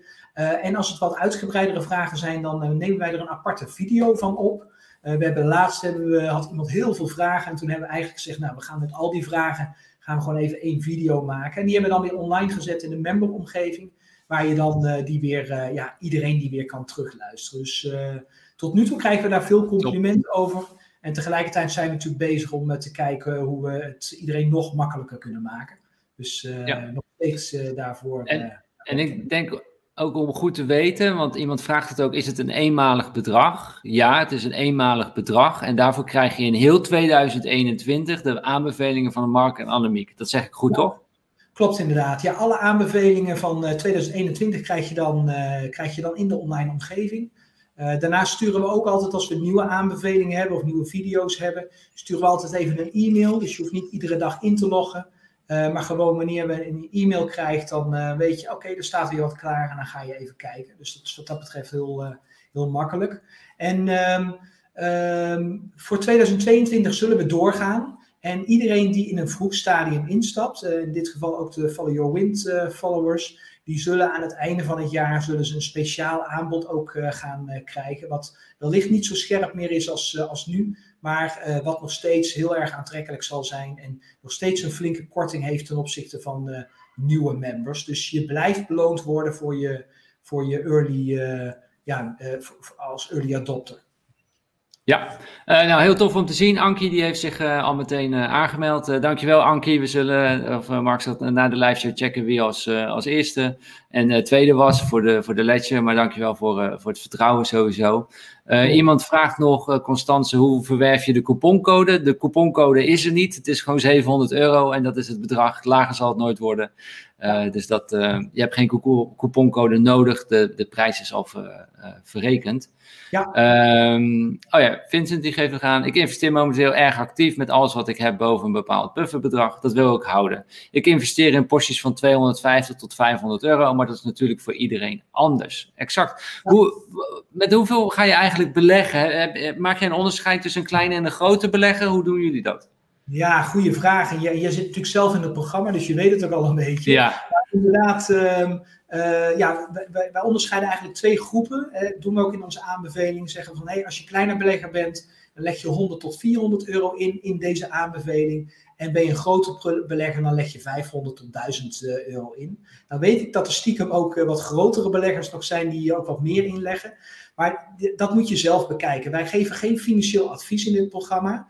Je moet echt zelf kijken wat voor jou verantwoordelijk is. Uh, daarvoor hebben we ook een aantal uh, dingen, een aantal regels opgenomen. En nooit beleggen met geleend geld, alleen maar met geld wat, je, uh, wat mogelijk is om te verliezen. niet het geld waarmee je je huur of je hypotheek moet betalen, nou ja, et cetera. Um, dus we maken inderdaad onderscheid 100 tot 400 euro een kleine belegger en 500 tot 1000 euro voor grotere beleggers. En op welke exchanges kunnen we de, de crypto's kopen? Dat vraagt Erik zich af. Ja, dat is een goede vraag. Um, we, eh, dat verschilt nogal. Uh, de meeste exchanges, als je op dit moment al een exchange gebruikt, Erik, dan is het hoogstwaarschijnlijk mogelijk om bijna al onze aanbevelingen daar te kopen. Uh, tegelijkertijd de, ehm, kopen wij zelf altijd eigenlijk aan via Binance, Kraken en Uniswap. Dus die platformen gebruiken wij. En waarom gebruiken we die? Met name Binance en Uniswap ja, zijn, zijn, die, die lopen meestal vooruit op de Nederlandse uh, exchanges. Uh, dus die hebben vaak nieuwe projecten. En omdat wij echt very early stage projecten aanbevelen, en dat komt inderdaad, we hebben het niet echt uitgebreid over gehad, maar omdat wij echt heel erg diep in dit netwerk uh, zitten. Wij weten echt van projecten al die net gestart zijn of die zelfs nog moeten starten, dat die gaan komen, kunnen wij ons al in verdiepen. Dus, dus steeds meer aanbevelingen die zijn alleen nog maar te koop via Uniswap. Um, uh, en zullen later uiteindelijk natuurlijk ook via Nederlandse providers uh, te, te koop uh, zijn. Ja. Ja. mooi. Laten we ook duiken in wat voor blockchain-projecten wij nog interessant vinden, ook voor de, voor de toekomst. En dan vooral de, de categorieën. Naar, naar welke categorieën kijk jij momenteel, Mark? Hm. Nou, wat we eigenlijk altijd doen, is dat we gaan kijken van wat is, wat is er echt nodig in de wereld. Uh, wat we eigenlijk al, en dat is het bestaansrecht van de blockchain geworden, van Bitcoin eigenlijk geworden, is uh, er is iets fundamenteels fout in het bank- en verzekeringswezen eigenlijk in Nederland, of in de, in de wereld, in het financiële systeem. Dus waar wij heel erg naar gaan kijken is de DeFi, Decentralized Finance. En dat is eigenlijk uh, dat, je, dat je langzamerhand een beweging gaat krijgen, dat je jezelf gaat unbanken, populair gezegd. Oftewel, je zegt eigenlijk, ik heb geen bank meer nodig, ik ga het doen zonder bank. Nou, op dit moment is dat nog niet zo ver, maar we zijn al wel heel ver. Um, Annemiek en ik hebben bijvoorbeeld een creditcard, een Visa-card, die we gebruiken, die rechtstreeks gekoppeld is aan onze cryptocurrency. Dus wij hoeven dat niet meer in euro's uh, om te zetten of wat dan ook. Maar wij kunnen gewoon met die creditcard kunnen we gewoon heel veel aankopen iedere dag doen. En daarmee betalen we eigenlijk direct in Bitcoin of Ethereum. Um, uh, dus dat is een markt waar we in ieder geval heel erg naar kijken. Dus de, de decentralized finance, DeFi-markt. Uh, maar daarnaast kijken we ook naar echt andere projecten die fundamenteel wat uh, oplossen. Bijvoorbeeld rondom privacy. Hè? Rondom privacy is er nu veel ophef. Zeker het afgelopen jaar is dat nog duidelijker geworden dan ooit. Daar hebben we het net ook over gehad. Hè? Uh, YouTube die video's verwijdert, Facebook die accounts blokkeert, Twitter die accounts blokkeert. Uh, we zien het overal zien we terug. Dus we zijn ook vooral aan het kijken van hey, hoe kun je op een andere manier dat gaan bouwen. En daar zitten ook hele mooie projecten bij. Dus daar, dat zit in onze aanbevelingen, uh, zit dat zeker. Um, je hebt een hele nieuwe stroming in de DeFi, heb je op dit moment verzekeringsproducten. Een van de dingen waar we een paar jaar geleden last van hadden, is dat op het moment dat jij ergens investering had staan en je had het in een, in een, in een omgeving staan, zoals bijvoorbeeld in, bij, een, bij een Kraken of Binance of een andere Ehm, eh, eh, partij waar je het hebt staan, ja, dan is het niet je eigen geld en daar werden nog wel eens hacks gedaan. Nou, tegenwoordig kun je je daartegen verzekeren, zijn er verzekeringsproducten voor, die ook weer in de blockchain geprogrammeerd zijn. Dus die daarmee automatische uitbetalingen kunnen doen op het moment dat er een hack is. Daar kijken we heel erg naar. Uh, we kijken naar uh, cloudopslag. Story is bijvoorbeeld zo'n bekend, S-T-O-R-J. is, een, is, een, is een project waar we begin dit jaar in geïnvesteerd hebben. Eh, hebben we op dit moment, eh, ik zat even te kijken, een dikke 700% rendement opgemaakt. En waarom? Heel logisch. Als jij nu ergens je data hebt staan online, ja, dat is bijna niet meer veilig. Ja, natuurlijk, Dropbox, organisaties zoals Dropbox en Google Drive, die, die, die hebben wel encrypted uh, omgevingen. Alleen, we weten nooit wie er meekijkt. Dus je ziet nu dat er met name in de medische wereld, dat er een verschuiving is, een belangstelling is voor de blockchain, om daar hun bestanden in op te gaan uh, slaan. En uh, je ziet dat dat gaat toenemen. De gebruiksvriendelijkheid kan nog verbeteren. Ik zie dat dat nu nog wat technischer is. Uh, maar dat zijn vaak technische oplossingen die lokaal, dus bij een ICT-beheerder, al vaak opgelost worden, waardoor een gebruiker daar zelf bijvoorbeeld bij in een ziekenhuis geen last van, van heeft. dus daar kijken we naar. Ja, deze vind ik zelf ook heel interessant. Ik, eh, dankzij jullie zit ik er ook in. En volgens mij vroeg iemand ook net uh, aan mij van hey, of ik mijn. Oh ja, uh, David die vroeg van hey Stijn, heb jij je inschrijfkosten er al, al uitverdiend? nou, David, ik ken Mark persoonlijk heel goed, dus ik mocht het programma gewoon gebruiken van hem. Maar ik ben dankzij hun ben ik dus in, in Stoyer gestapt. En uh, nou, daarmee zou ik deze inschrijfkosten dus al uh, terugverdiend uh, hebben. Wat jij ook zei, die is al flink 700% gestegen. dat, ja, dat is zo'n project. En ik, ik geloof zelf ook enorm in decentrale cloudopslag. Weet je, wij, dit wordt ook weer online opgeslagen. Maar wel met de kans dat het ooit verwijderd wordt. Ja. En dat wil ik gewoon niet meer. Ik, ik wil die, die, die machtspositie van één monopolist wil ik niet meer. Daar wil ik niet meer afhankelijk van zijn. Ja, op dit moment hebben zij nog het grote bereik. En daarom zitten we hier. Maar het gaat veranderen, daar geloof ik ook heilig in, ja. Ja, ja, ja. ja wij zijn nu uh, met een project uh, hebben we geanalyseerd. Uh, we, deze week hebben we dat naar alle members gestuurd. En dat is een project wat nog zelfs nog verder gaat dan de opslagcapaciteit van Story. Die, wat, wat zij hebben gedaan, um, is dat, dat je, als je eigenlijk naar Apple en, en Google gaat kijken, waardoor hebben zij zo'n enorm succes? Dat is met gebruiksvriendelijkheid. Je kunt met één inlog kun je heel veel verschillende systemen gebruiken. Als jij een Apple inlog hebt of een Google inlog, dan zijn er heel veel applicaties, websites waar je heel makkelijk met een druk op de knop kunt inloggen zonder dat je een apart wachtwoord hoeft aan te maken, et cetera. En, en dat is, heeft er mede voor gezorgd dat dat een, netwerk, een netwerkeffect eigenlijk krijgt. Dat is ook de reden waarom er heel veel applicaties bij Apple en bij Google gebouwd uh, worden. Nou, wat je nu ziet is, uh, we hebben, deze week hebben we een, gloednieuw project uh, gelanceerd, wat echt nog maar een paar maanden oud is. Hebben we aanbevolen. En dat is een project wat eigenlijk alles doet wat, Google doet.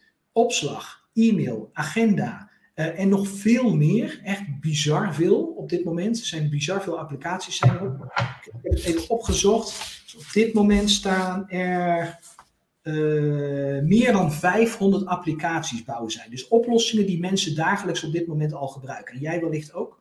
En die hebben ze gebouwd achter één inlog. En wat is hier het voordeel van? Dit is decentraal. Niemand is de eigenaar van. Niemand weet jouw wachtwoord ook, want het is encrypted. Hè? De cryptocurrency markt is een encrypted markt. Dus niemand kan daarbij. En je, je files, je gegevens, alles is 100% veilig. Chat-omgevingen uh, zijn er. Uh, volgens mij zijn ze ook met dit soort omgevingen bezig, video-omgevingen zijn ze bezig.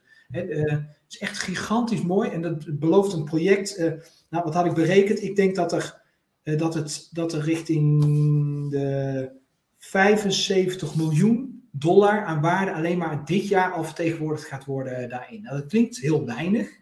Um, maar we hebben het over een project dat net gestart is. Dus echt bizar is dat.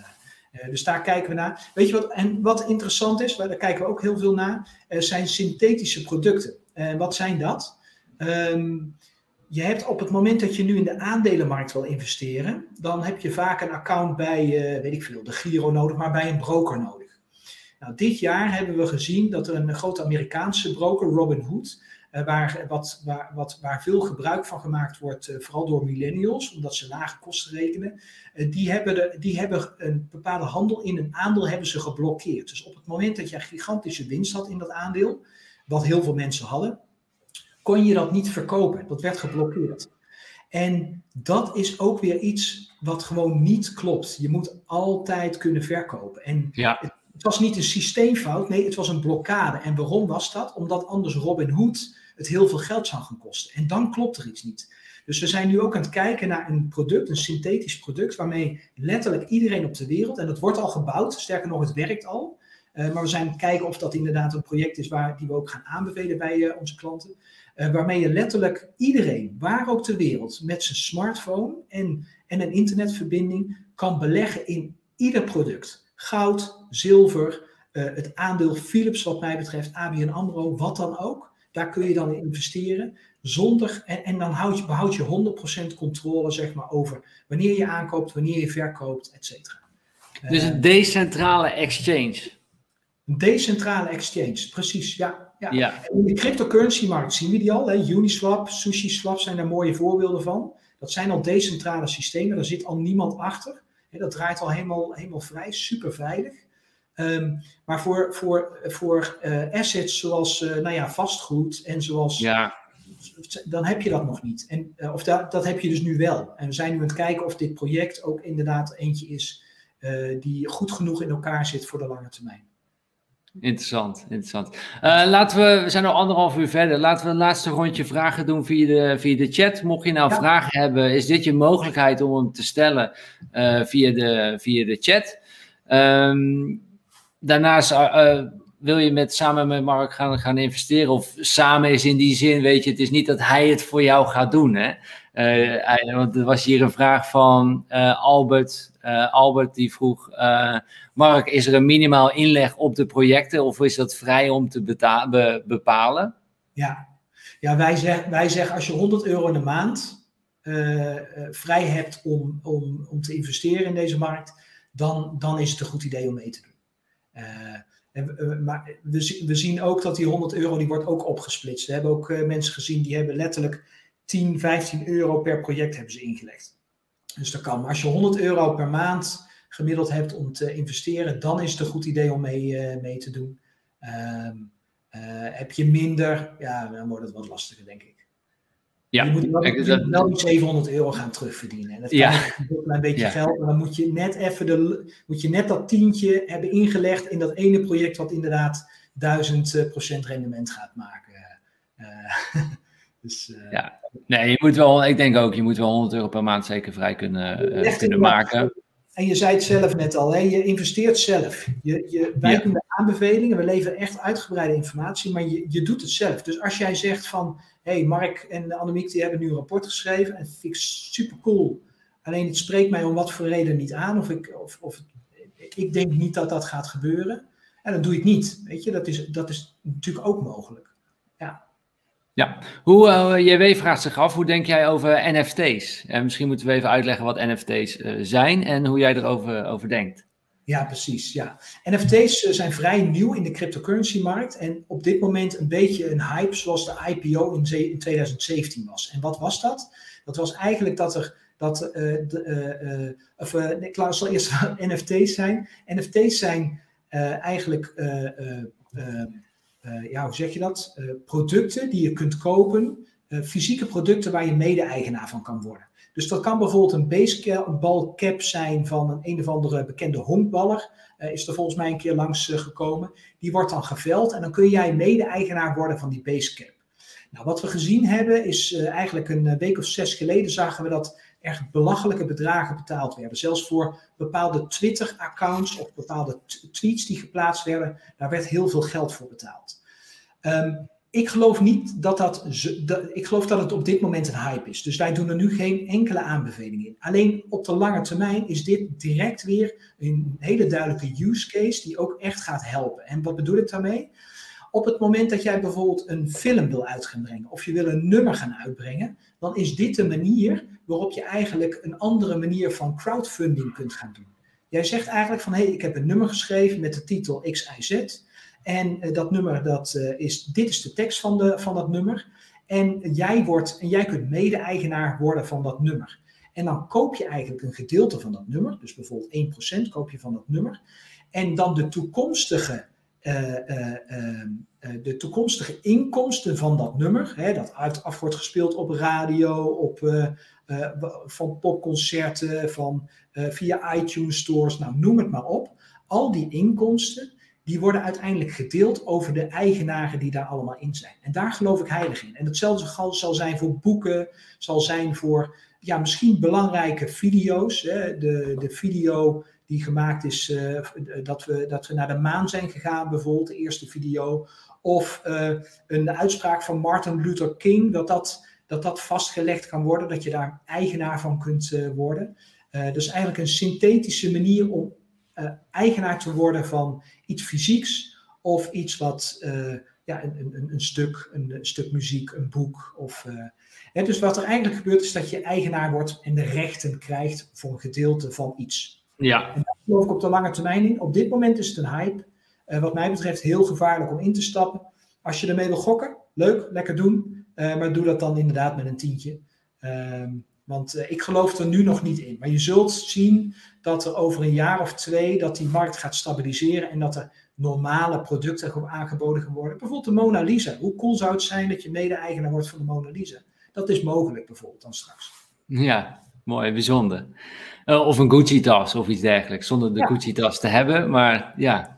ja. Uh, Matthea, vraagt zich nog af, doen jullie ook aanbevelingen waar je dan, uh, waar je dan moet in investeren in welk platform? heeft Mark al wel beantwoord, maar ik wilde er nog iets over zeggen, Matthea. Ik heb zelf alle coins, sommige kan ik bij Bitfavo kopen, niet allemaal, maar ik kan ze eigenlijk allemaal kopen bij Binance.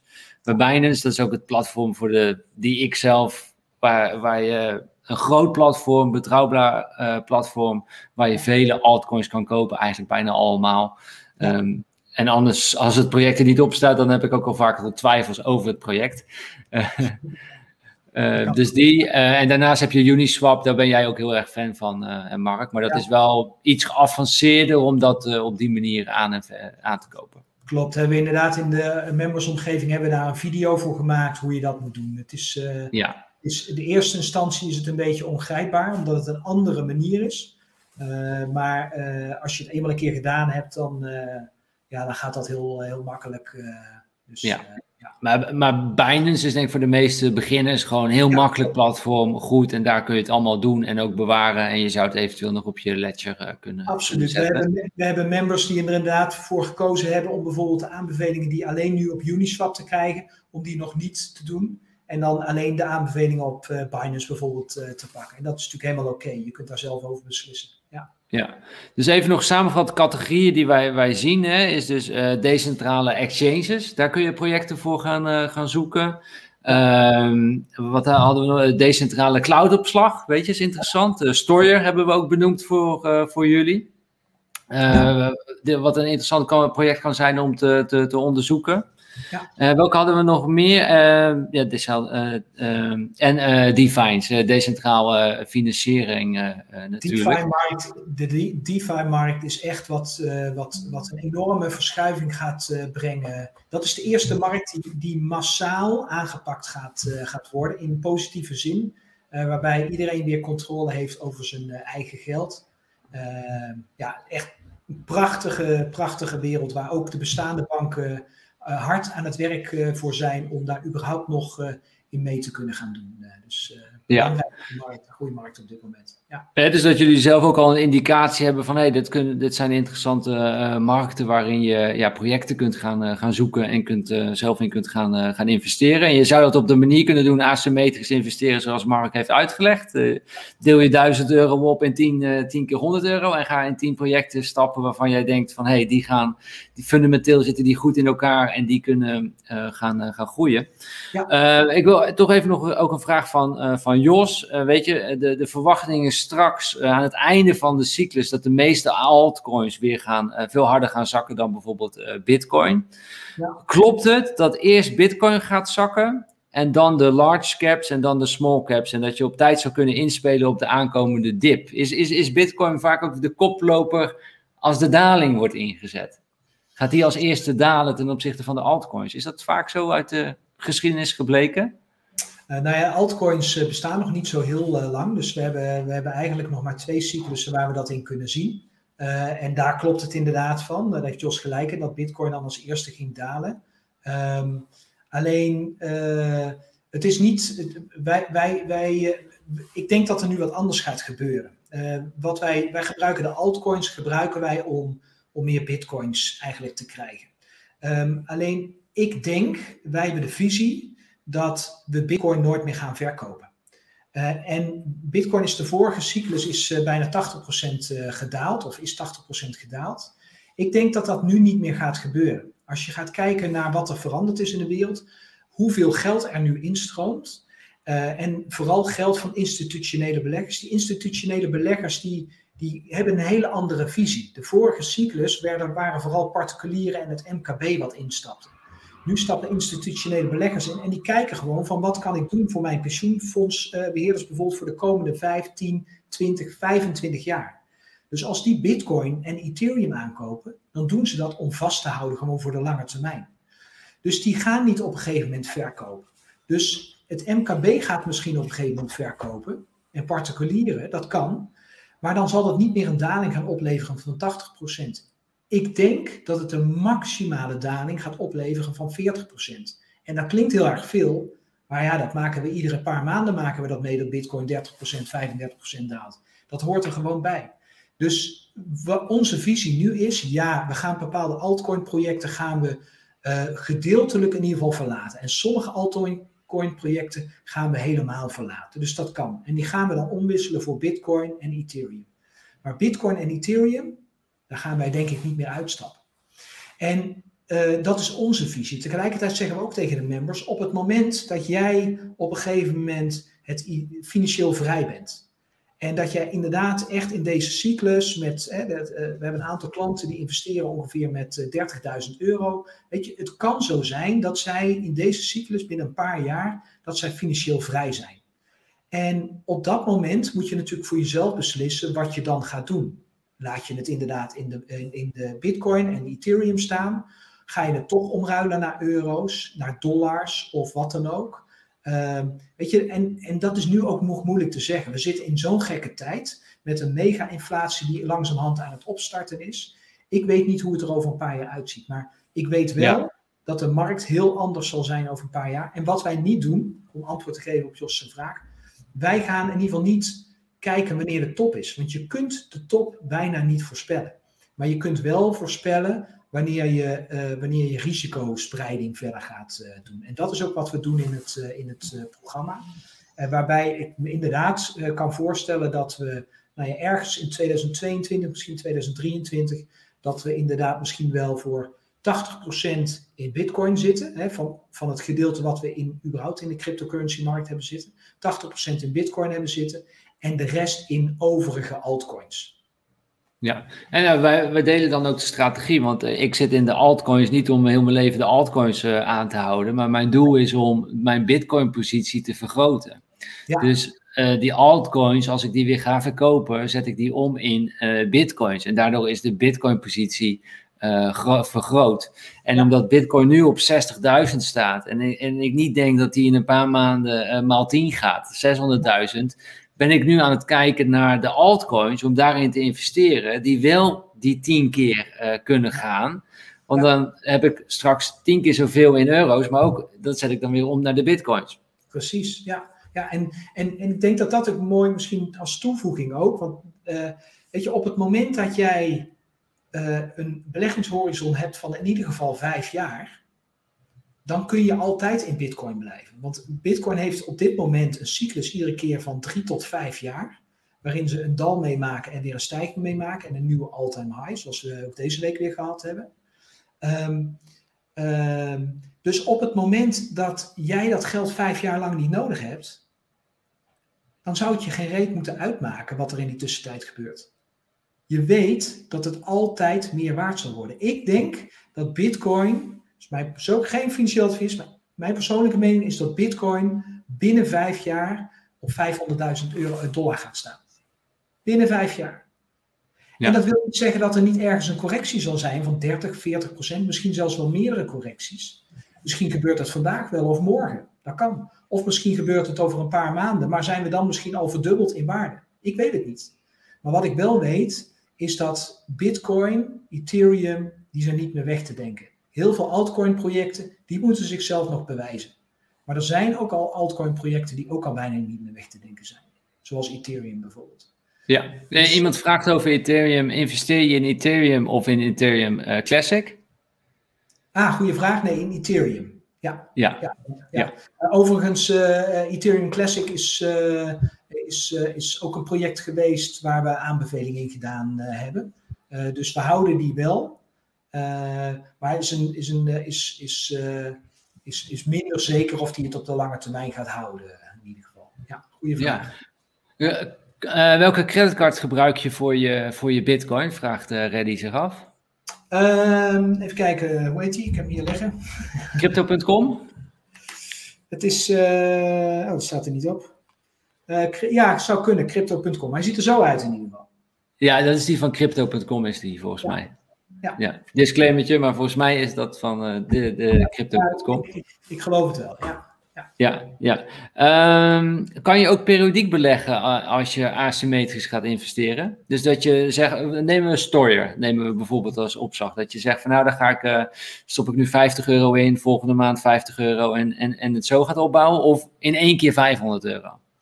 Uh, nou, als wij een aanbeveling doen, dan verwachten wij binnen afzienbare tijd, dus binnen een relatief korte tijd, verwachten wij een flinke stijging al. Dus wat je ziet is dat projecten die wij in eh, begin januari hebben aanbevolen, die zitten nu boven de aanbevelingsprijs. Dus de huidige prijs is dan boven de maximale aanbevelingsprijs. Dus het is een betere strategie om inderdaad iedere keer per project gewoon 100 euro of 500 euro in te leggen en, en, en, en het daar ook gewoon bij te laten. Wij komen met heel veel projecten komen wij uit, zeker op dit moment. Uh, afgelopen week hadden we zes projecten die we gelanceerd hebben. Uh, dus, dus je hebt altijd genoeg keuze en je hoeft niet overal aan mee te doen dus, uh, ja. de, de, strategie van het oneerlijk voordeel, laat ik het zo zeggen, werkt het beste op het moment dat je eenmalig een iets hoger bedrag inlegt. De strategie die, die in dit geval voorgesteld wordt, die kun je wel uitstekend hanteren bij Bitcoin en Ethereum. Ook vanuit mijn visie, die ik net gezegd heb. Nogmaals, geen financieel advies, maar daarbij kun je het wel hanteren. Dat je op de lange termijn altijd daar mooie rendementen mee gaat maken. Ja, dus, en dat wilde ik ook aan, aan jullie uitleggen in het begin. Weet je, wij, Mark en ik, wij zitten alle twee in Bitcoin en in Ethereum. Daar hebben we al een positie opgebouwd. Daar doen wij ook periodiek in uh, beleggen. Maar we willen dat nu nog wat sneller vergroten door te investeren in altcoins. Wat is de, um, de horizon? Hoe lang blijf je gemiddeld ongeveer in zo'n project? Wat, hoe, uh, kijk, dus even het verschil. Ga je daytraden, ga je er binnen één dag weer uit? Of ja. is het veel, hoe lang is die horizon nee, voor jou? Alles, uh, alle, zolang dat je het gewoon in cold storage kunt opslaan. dus op een Ledger wallet kun je het gewoon opslaan. Want als je eenmaal een aankoop hebt gedaan, gaan we in ieder geval de komende maanden, misschien zelfs wel de komende uh, twee jaar, er verder niets meer mee doen. Nee, dus dat is de, de, de horizon. En je kunt natuurlijk tussentijd, al heb je winst of kun je je inleg eruit halen, kun je dat natuurlijk altijd doen. Absoluut. Uh, maar het is geen daytraden. Het is gewoon, hey, dit, dit project klopt fundamenteel. Daar wil ik in investeren. En dan wil je het laten lopen. Ja, ja wat wij zelf doen, hè, hadden we het al een beetje voor een uitzending over. Wij, wij, zitten, wij, wij hebben dus vrijwel niks in euro's uh, zitten. Wij hebben alles geïnvesteerd. Uh, dus wat wij doen uh, in de, in de, in de, in de blockchain-markt, in de cryptomarkt, op het moment dat wij een nieuwe aanbeveling, een nieuw onderzoek gedaan hebben en wij willen een nieuw project gaan investeren, dan kijken we eigenlijk van hey, welke projecten hebben een mooi resultaat behaald. Dan halen we daar wat vandaan en dat in, in vaak kleine bedragen en dat investeren we in dat nieuwe project. Dus, mooi. Uh, zo pakken ja. we iedere keer een stukje winst eigenlijk uit, uit, uit de projecten die al goed gelopen zijn. Ja. Uh, laatste ronde vragen doen we nu. Dus mocht je nog vragen hebben, kun je ze nu nog uh, stellen. David vraagt zich af, uh, eerder gevraagd door anderen, maar is er een overzicht, een oud rapport beschikbaar in, in te zien hoe het, nou ja, denk hoe zo'n rapport is vormgegeven? Oh, Misschien kan je ook, ook een inhoudsopgave, een beetje standaard inhoudsopgave benoemen wat, wat er in zo'n rapport staat. Ja, ehm, ja, kan ik vertellen inderdaad. We, we, we we hebben eigenlijk een aantal dingen die we altijd aangeven, dus die terug laten komen in een uh, rapport. En dat komt eigenlijk overeen met hetgeen wat ik toen straks alweer uh, verteld heb. Uh, projecten, van nou, wat lost een project fundamenteel op? Daar geven we uitgebreide informatie over. We geven ook, als er een website van is, meestal wel, geven we ook de website erbij, zodat je ook daar verder naar kunt gaan kijken. We geven aan wat onze verwachting is voor de toekomst. Wat gaan ze werkelijk oplossen en, wat, en met welke snelheid gaan ze dat doen? We geven aan wat wij denken dat ze aan marktwaarde gaan creëren in de toekomst. Als we dat weten, dan kunnen we ook berekenen wat voor een potentieel rendement uh, er uh, behaald uh, kan worden. Daar gaan we altijd heel defensief mee om. doen we echt heel erg voorzichtig. Dus we doen daar calculaties doen we daarin. En vervolgens geven we aan welke coin, welk project het is, wat de afkorting daarvan is en op welk platform het te koop is en wat de maximale aankoopkoers is waarvoor wij het zelf aankopen. Dus zo is zo'n rapport zeg maar opgedeeld. Ehm, sommige rapporten zijn wat technischer, andere rapporten lezen wat makkelijker uh, weg. Dat verschilt een beetje. Uh, per project, uh, per rapport ben je, per aanbeveling ben je ongeveer drie minuten kwijt aan lees, leeswerk. En dan heb je een aardig beeld, beeld daarvan. dus, dus daar moet je een beetje op, op rekenen. Ja. Ja. Kim vraagt zich nog af, kan er ook per maand betaald worden? Dus het is nu 700 euro exclusief BTW, is een eenmalig bedrag. Ja. En uh, voor heel 2021 krijg je dan jullie aanbevelingen. Uh, ja. Ze vraagt of het ook per maand betaald kan, kan worden. Ja. ja nee, helaas niet. we willen het ook simpel houden, met name administratief willen we het simpel houden. Nogmaals, we zitten er niet om het geld in, dus we houden, proberen alles zo goedkoop mogelijk te maken. Als wij inderdaad de normale prijs zouden rekenen van 3000 euro, dan zou je dat inderdaad wel gespreid kunnen betalen. Overigens niet over 12 maanden, maar dan over drie maanden. Um, uh, maar in dit geval uh, niet. daarnaast is het ook goed om te weten. wij gebruiken een gedeelte van dat geld gebruiken we ook weer om te investeren in, de, in een apart potje voor de, voor, in de cryptocurrency markt ook weer. waardoor we ook hetzelfde geld weer extra kunnen gebruiken voor onze projecten in Kenia. Dus we zijn op dit moment, uh, vertelde ik al, zijn we bezig om, om meer hygiëne aan te brengen op, op scholen. Dus ze zitten nu weer in een lockdown, maar als ze straks terug zijn, dat ze weer goed hun handen kunnen wassen. Er zijn een aantal daken die weer vervangen moeten worden, omdat, zeker voordat het regenseizoen gaat beginnen. En dan moeten de klaslokalen komen. Dus voor ons ligt, ligt daar prioriteit. En dat kunnen we makkelijker doen op het moment dat we het geld ook in één keer hebben. Dus, maar wel een goede vraag. Maar met deze korting ja. doen we dat niet in ieder geval. Uh, ik denk dat dit ook goed is. Ehm, is dat financieel advies, dat rapport wat jullie geven? Kunnen jullie daar aansprakelijk voor worden gesteld? Wat is, dat, dat is best een groot risico. Ik denk dat het goed is om even te benoemen hoe het zit. Ja, nee, wij doen geen financieel advies. eigenlijk de informatie die wij met je delen, moet je eigenlijk beschouwen als informatie die je ook op een reguliere website zou kunnen lezen. Dus je neemt die mee in jouw keuze om ergens in te stappen of, of niet. Uh, we hebben daar ook dikke dis uh, disclaimers in zitten. of we er aansprakelijk voor gesteld kunnen worden, ja, dat zou kunnen. Um, dat kan denk ik altijd. Iemand kan je altijd aansprakelijk stellen. Of ze daar succesvol mee zullen zijn, dat betwijfel ik. Um, maar goed, op het moment dat. We, we, verwachten sowieso niet dat dat snel gaat gebeuren. Want niemand gaat ons aansprakelijk stellen omdat hij een paar duizend procent rendement heeft gemaakt in een paar hm. jaar tijd. Dus, want dan, dan mag je de winst gaan delen met ons en dat wil je niet. ja, ja. En als je er zo in zit, dan kun je ook beter gewoon niet, niet, niet instappen. Kijk, het is gewoon, jullie zijn gewoon open van hé, hey, ik heb dit onderzocht, dit is hoe ik het zie. Ja. wij gaan instappen, maar je moet het voor jezelf be bepalen. En, wij, wij, wij, hoeven dit niet te doen. We doen dit echt voor anderen. Ja. Nou, ik doe het een beetje voor mezelf, want ik vind het heel leuk om mijn kennis te delen en om bijdrage te leveren. Daar word ik zelf gelukkig van. Dus dat is mijn winst. Uh, maar we doen het niet voor het geld. We doen het echt om mensen te helpen, zeker in deze tijd. Daarom rekenen we ook hele lage bedragen nu. Echte kostprijs om gewoon te zorgen dat ja, zoveel mogelijk mensen flexibel hun financiën gaan inrichten, zodat ze voorbereid zijn op alles wat er gaat gebeuren in de wereld. En er gaat heel veel gebeuren. Ja. Ja, Carolien zegt: Ik ben ingestapt in het programma van Mark. Leuk uh, om te lezen, Carolien. Uh, krijg ik ook inzicht in wat er al eerder is geadviseerd? Ja, ja, ja, je krijgt volledig toegang tot het volledige programma. Dus uh, als je je hebt ingeschreven, dan zul je ook zien dat je binnen een uur kunt inloggen. kun jij met terugwerkende kracht alle aanbevelingen lezen, alle video's zien, alle Q&A's kun je bekijken.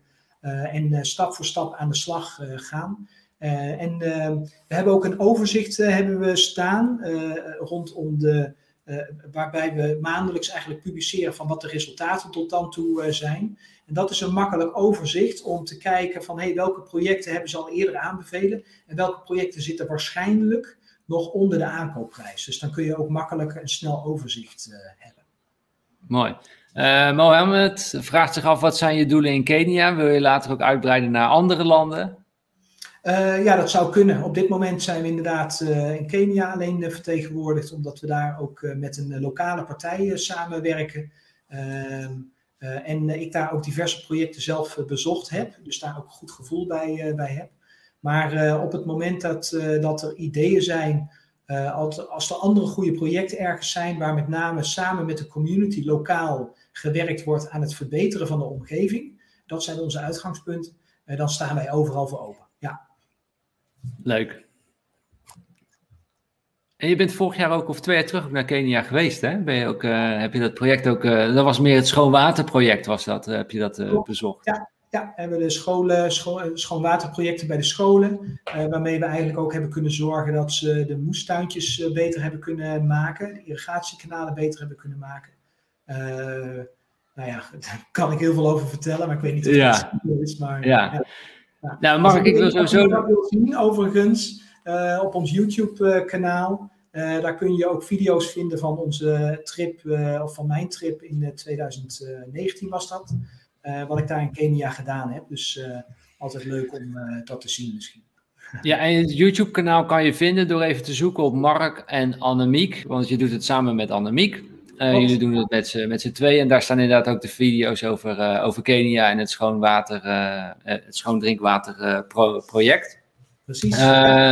wat me nog leuk lijkt, Mark, is om even een, een Instagram momentje. Dat doen we natuurlijk met z'n allen, ook met de kijkers. Pak even je telefoon erbij en maak een foto van deze live show en deel het vervolgens op bijvoorbeeld Instagram.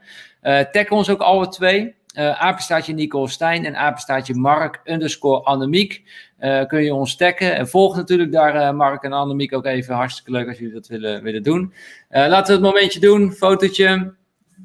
En tof om te zien. We zijn met 188 mensen nog steeds live na twee uur. iemand vroeg aan het begin ook, weet Mark ook dat hij twee uur moet gaan staan? de, de, de live shows hebben nogal de neiging om, om uit te lopen.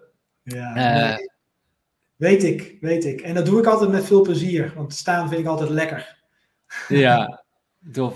Claudia zegt bedankt Stijn, Nicole en Mark. Leuk dat je weer bij was, Claudia. Carlo zegt bedankt heren, ik ga me dit weekend verdiepen in de aanbevelingen. Top. Um, helemaal en uh, Mohamed zegt, uh, ik zal zeker even een kijkje nemen. Iets wat echt belangrijk is in het leven. Het helpen van mensen die het echt nodig hebben. Uh, mooi gezegd, Mohamed. Mooi, ja. Um, Mark, ik wil je super bedanken voor de, de, inzichten die je vandaag met ons hebt gedeeld. dat je ons hebt meegenomen in de bitcoin en de altcoin markt. wat, wat voor categorieën qua projecten zijn nou interessant? Wat kunnen de toekomst zijn? dat blockchain echt gewoon disruptive gaat zijn in onze wereld. Het gaat echt, het, ik zie het ook, het gaat gewoon... Ik, ik geloof er heilig in dat het gewoon onze wereld helemaal op zijn kop gaat zetten. Extremer dan dat internet gedaan heeft. Ja, ja en met dat verschil, voor mij staat blockchain ook voor veel meer eerlijkheid Klopt. dan hoe het nu is. En dat is waarom ik het uh, zo er ook achter sta. Ehm, in dit, ge dit geheel. Uh, volgende week vrijdag hebben we ook weer een nieuwe live show. Vrijdag 23 april. En let op, dat is 8 uur s'avonds. Dus niet om 12 uur, maar 8 uur s'avonds. Want onze gastspreker uh, woont al sinds 1995 in uh, Californië. En dan hebben we het over Jan Bommeré. Hij komt bij ons in de live show. En we gaan het hebben over leven in flow. Dus hoe kom je vaker nou in een lekkere flow terecht? Hoe kan je eenvoudiger je eigen wind volgen? Hoe werkt de law of attraction? Hoe maak je een kwantumsprong in je leven? En waarom maken we ook deze live shows? We hebben het niet alleen over investeren zoals vandaag, maar we hebben het ook over het stukje mentaal sterker. Want ik geloof erin als jij mentaal sterker bent, als het beter zit in dat kopje, dat je ook beter gaat investeren. En als je gewoon in een lekkere flow zit, zit niet zit, maar shit, wou ik zeggen, maar zit. um, ja, dan loopt het allemaal lekkerder, dan heb je het helderder, dan um, eh, kun je betere keuzes maken en ga je dus beter uh, investeren. Dus daar gaan we het volgende week over, uh, over hebben. Hebben we Jan Bommeré echt een, uh, ja, een, een goeroe. Oh nee, hij noemt zichzelf juist geen goeroe. Hij is zelf ook op ontdekkingsreis, maar hij heeft meerdere bestsellers in ieder geval geschreven over flow en transformatie. Dus dat is volgende week om nog meer onze eigen wind te kunnen, kunnen volgen. En, in, inderdaad, uh, Mohammed, uh, Mohammed zegt ook uh, goed weekend en nog even die 100 likes halen. We zijn met 166 nog live. heel tof als je een likeje onder deze video wilt, wilt geven. we gaan zo dadelijk ook afsluiten. En wat je ons zou kunnen doen is om even een comment onder deze video te plaatsen. Dus nu zitten we in de chat. Maar als de video is afgesloten, dan kun je ook comments plaatsen onder de, uh, onder de video. Dat zou ons uh, ja, een stukje van waardering voor ons zijn uh, als je dat zou willen doen. En daardoor worden, kan meerdere mensen deze video bekijken. En zo kunnen we ook deze live shows gewoon gratis houden voor, voor jullie. Caroline zegt, super tof, ik ben heel blij dat jullie op mijn pad zijn gekomen. Juist nu, thanks. Graag gedaan, leuk om te horen, Caroline. Mark, ik wil jou graag nog iets aanbieden als vriend van de, van de live show. En dat is natuurlijk een Follow Your Wind t-shirt. ik weet dat jij natuurlijk al in het bezit bent van een, een t-shirt. Zeker, um, Maar we kunnen ook eens kijken. We hebben ook weer een nieuwe. We hebben ook de Escape to 5 uh, line hebben we. Zoals je hier kunt, kunt, zitten. Misschien vind je die leuk. Een extra sport t-shirt kan ook natuurlijk. Wat, je, wat jij graag zou willen. Oké, cool. cool. En, en kijk, en een blauwe? Deze is blauw, denk ik. Ja, ja, die ziet er cool uit, inderdaad. Leuk. Nou, gaan we die, uh, gaan we die naar, jou, naar jou opsturen. Ik wil je super bedanken voor je, voor je tijd weer en dat je alles met ons hebt willen, willen delen. Ja, cool. En, Leuk dat ik er mocht zijn en echt onwijs gaaf gewoon om, om, om, om op deze manier jullie Follow Your Wind Group te, mogen, te mogen inspireren en te helpen. Dus en uh, leuk, ja. bedankt voor iedereen die zich heeft ingeschreven. Super tof. Dan zien we je snel in de memberomgeving. Cool. Ja, en iedereen super bedankt weer voor het kijken. Het was weer geweldig, geweldig om jullie bij de live show uh, te hebben. Dus dankjewel weer voor, uh, voor jullie komst. Uh, voor nu, doe je eigen onderzoek. Ga ermee aan de slag. Maak jezelf financieel slimmer. En doe dat op je eigen manier, zou ik zeggen. Heel veel succes en tot de volgende keer weer. Ciao, ciao.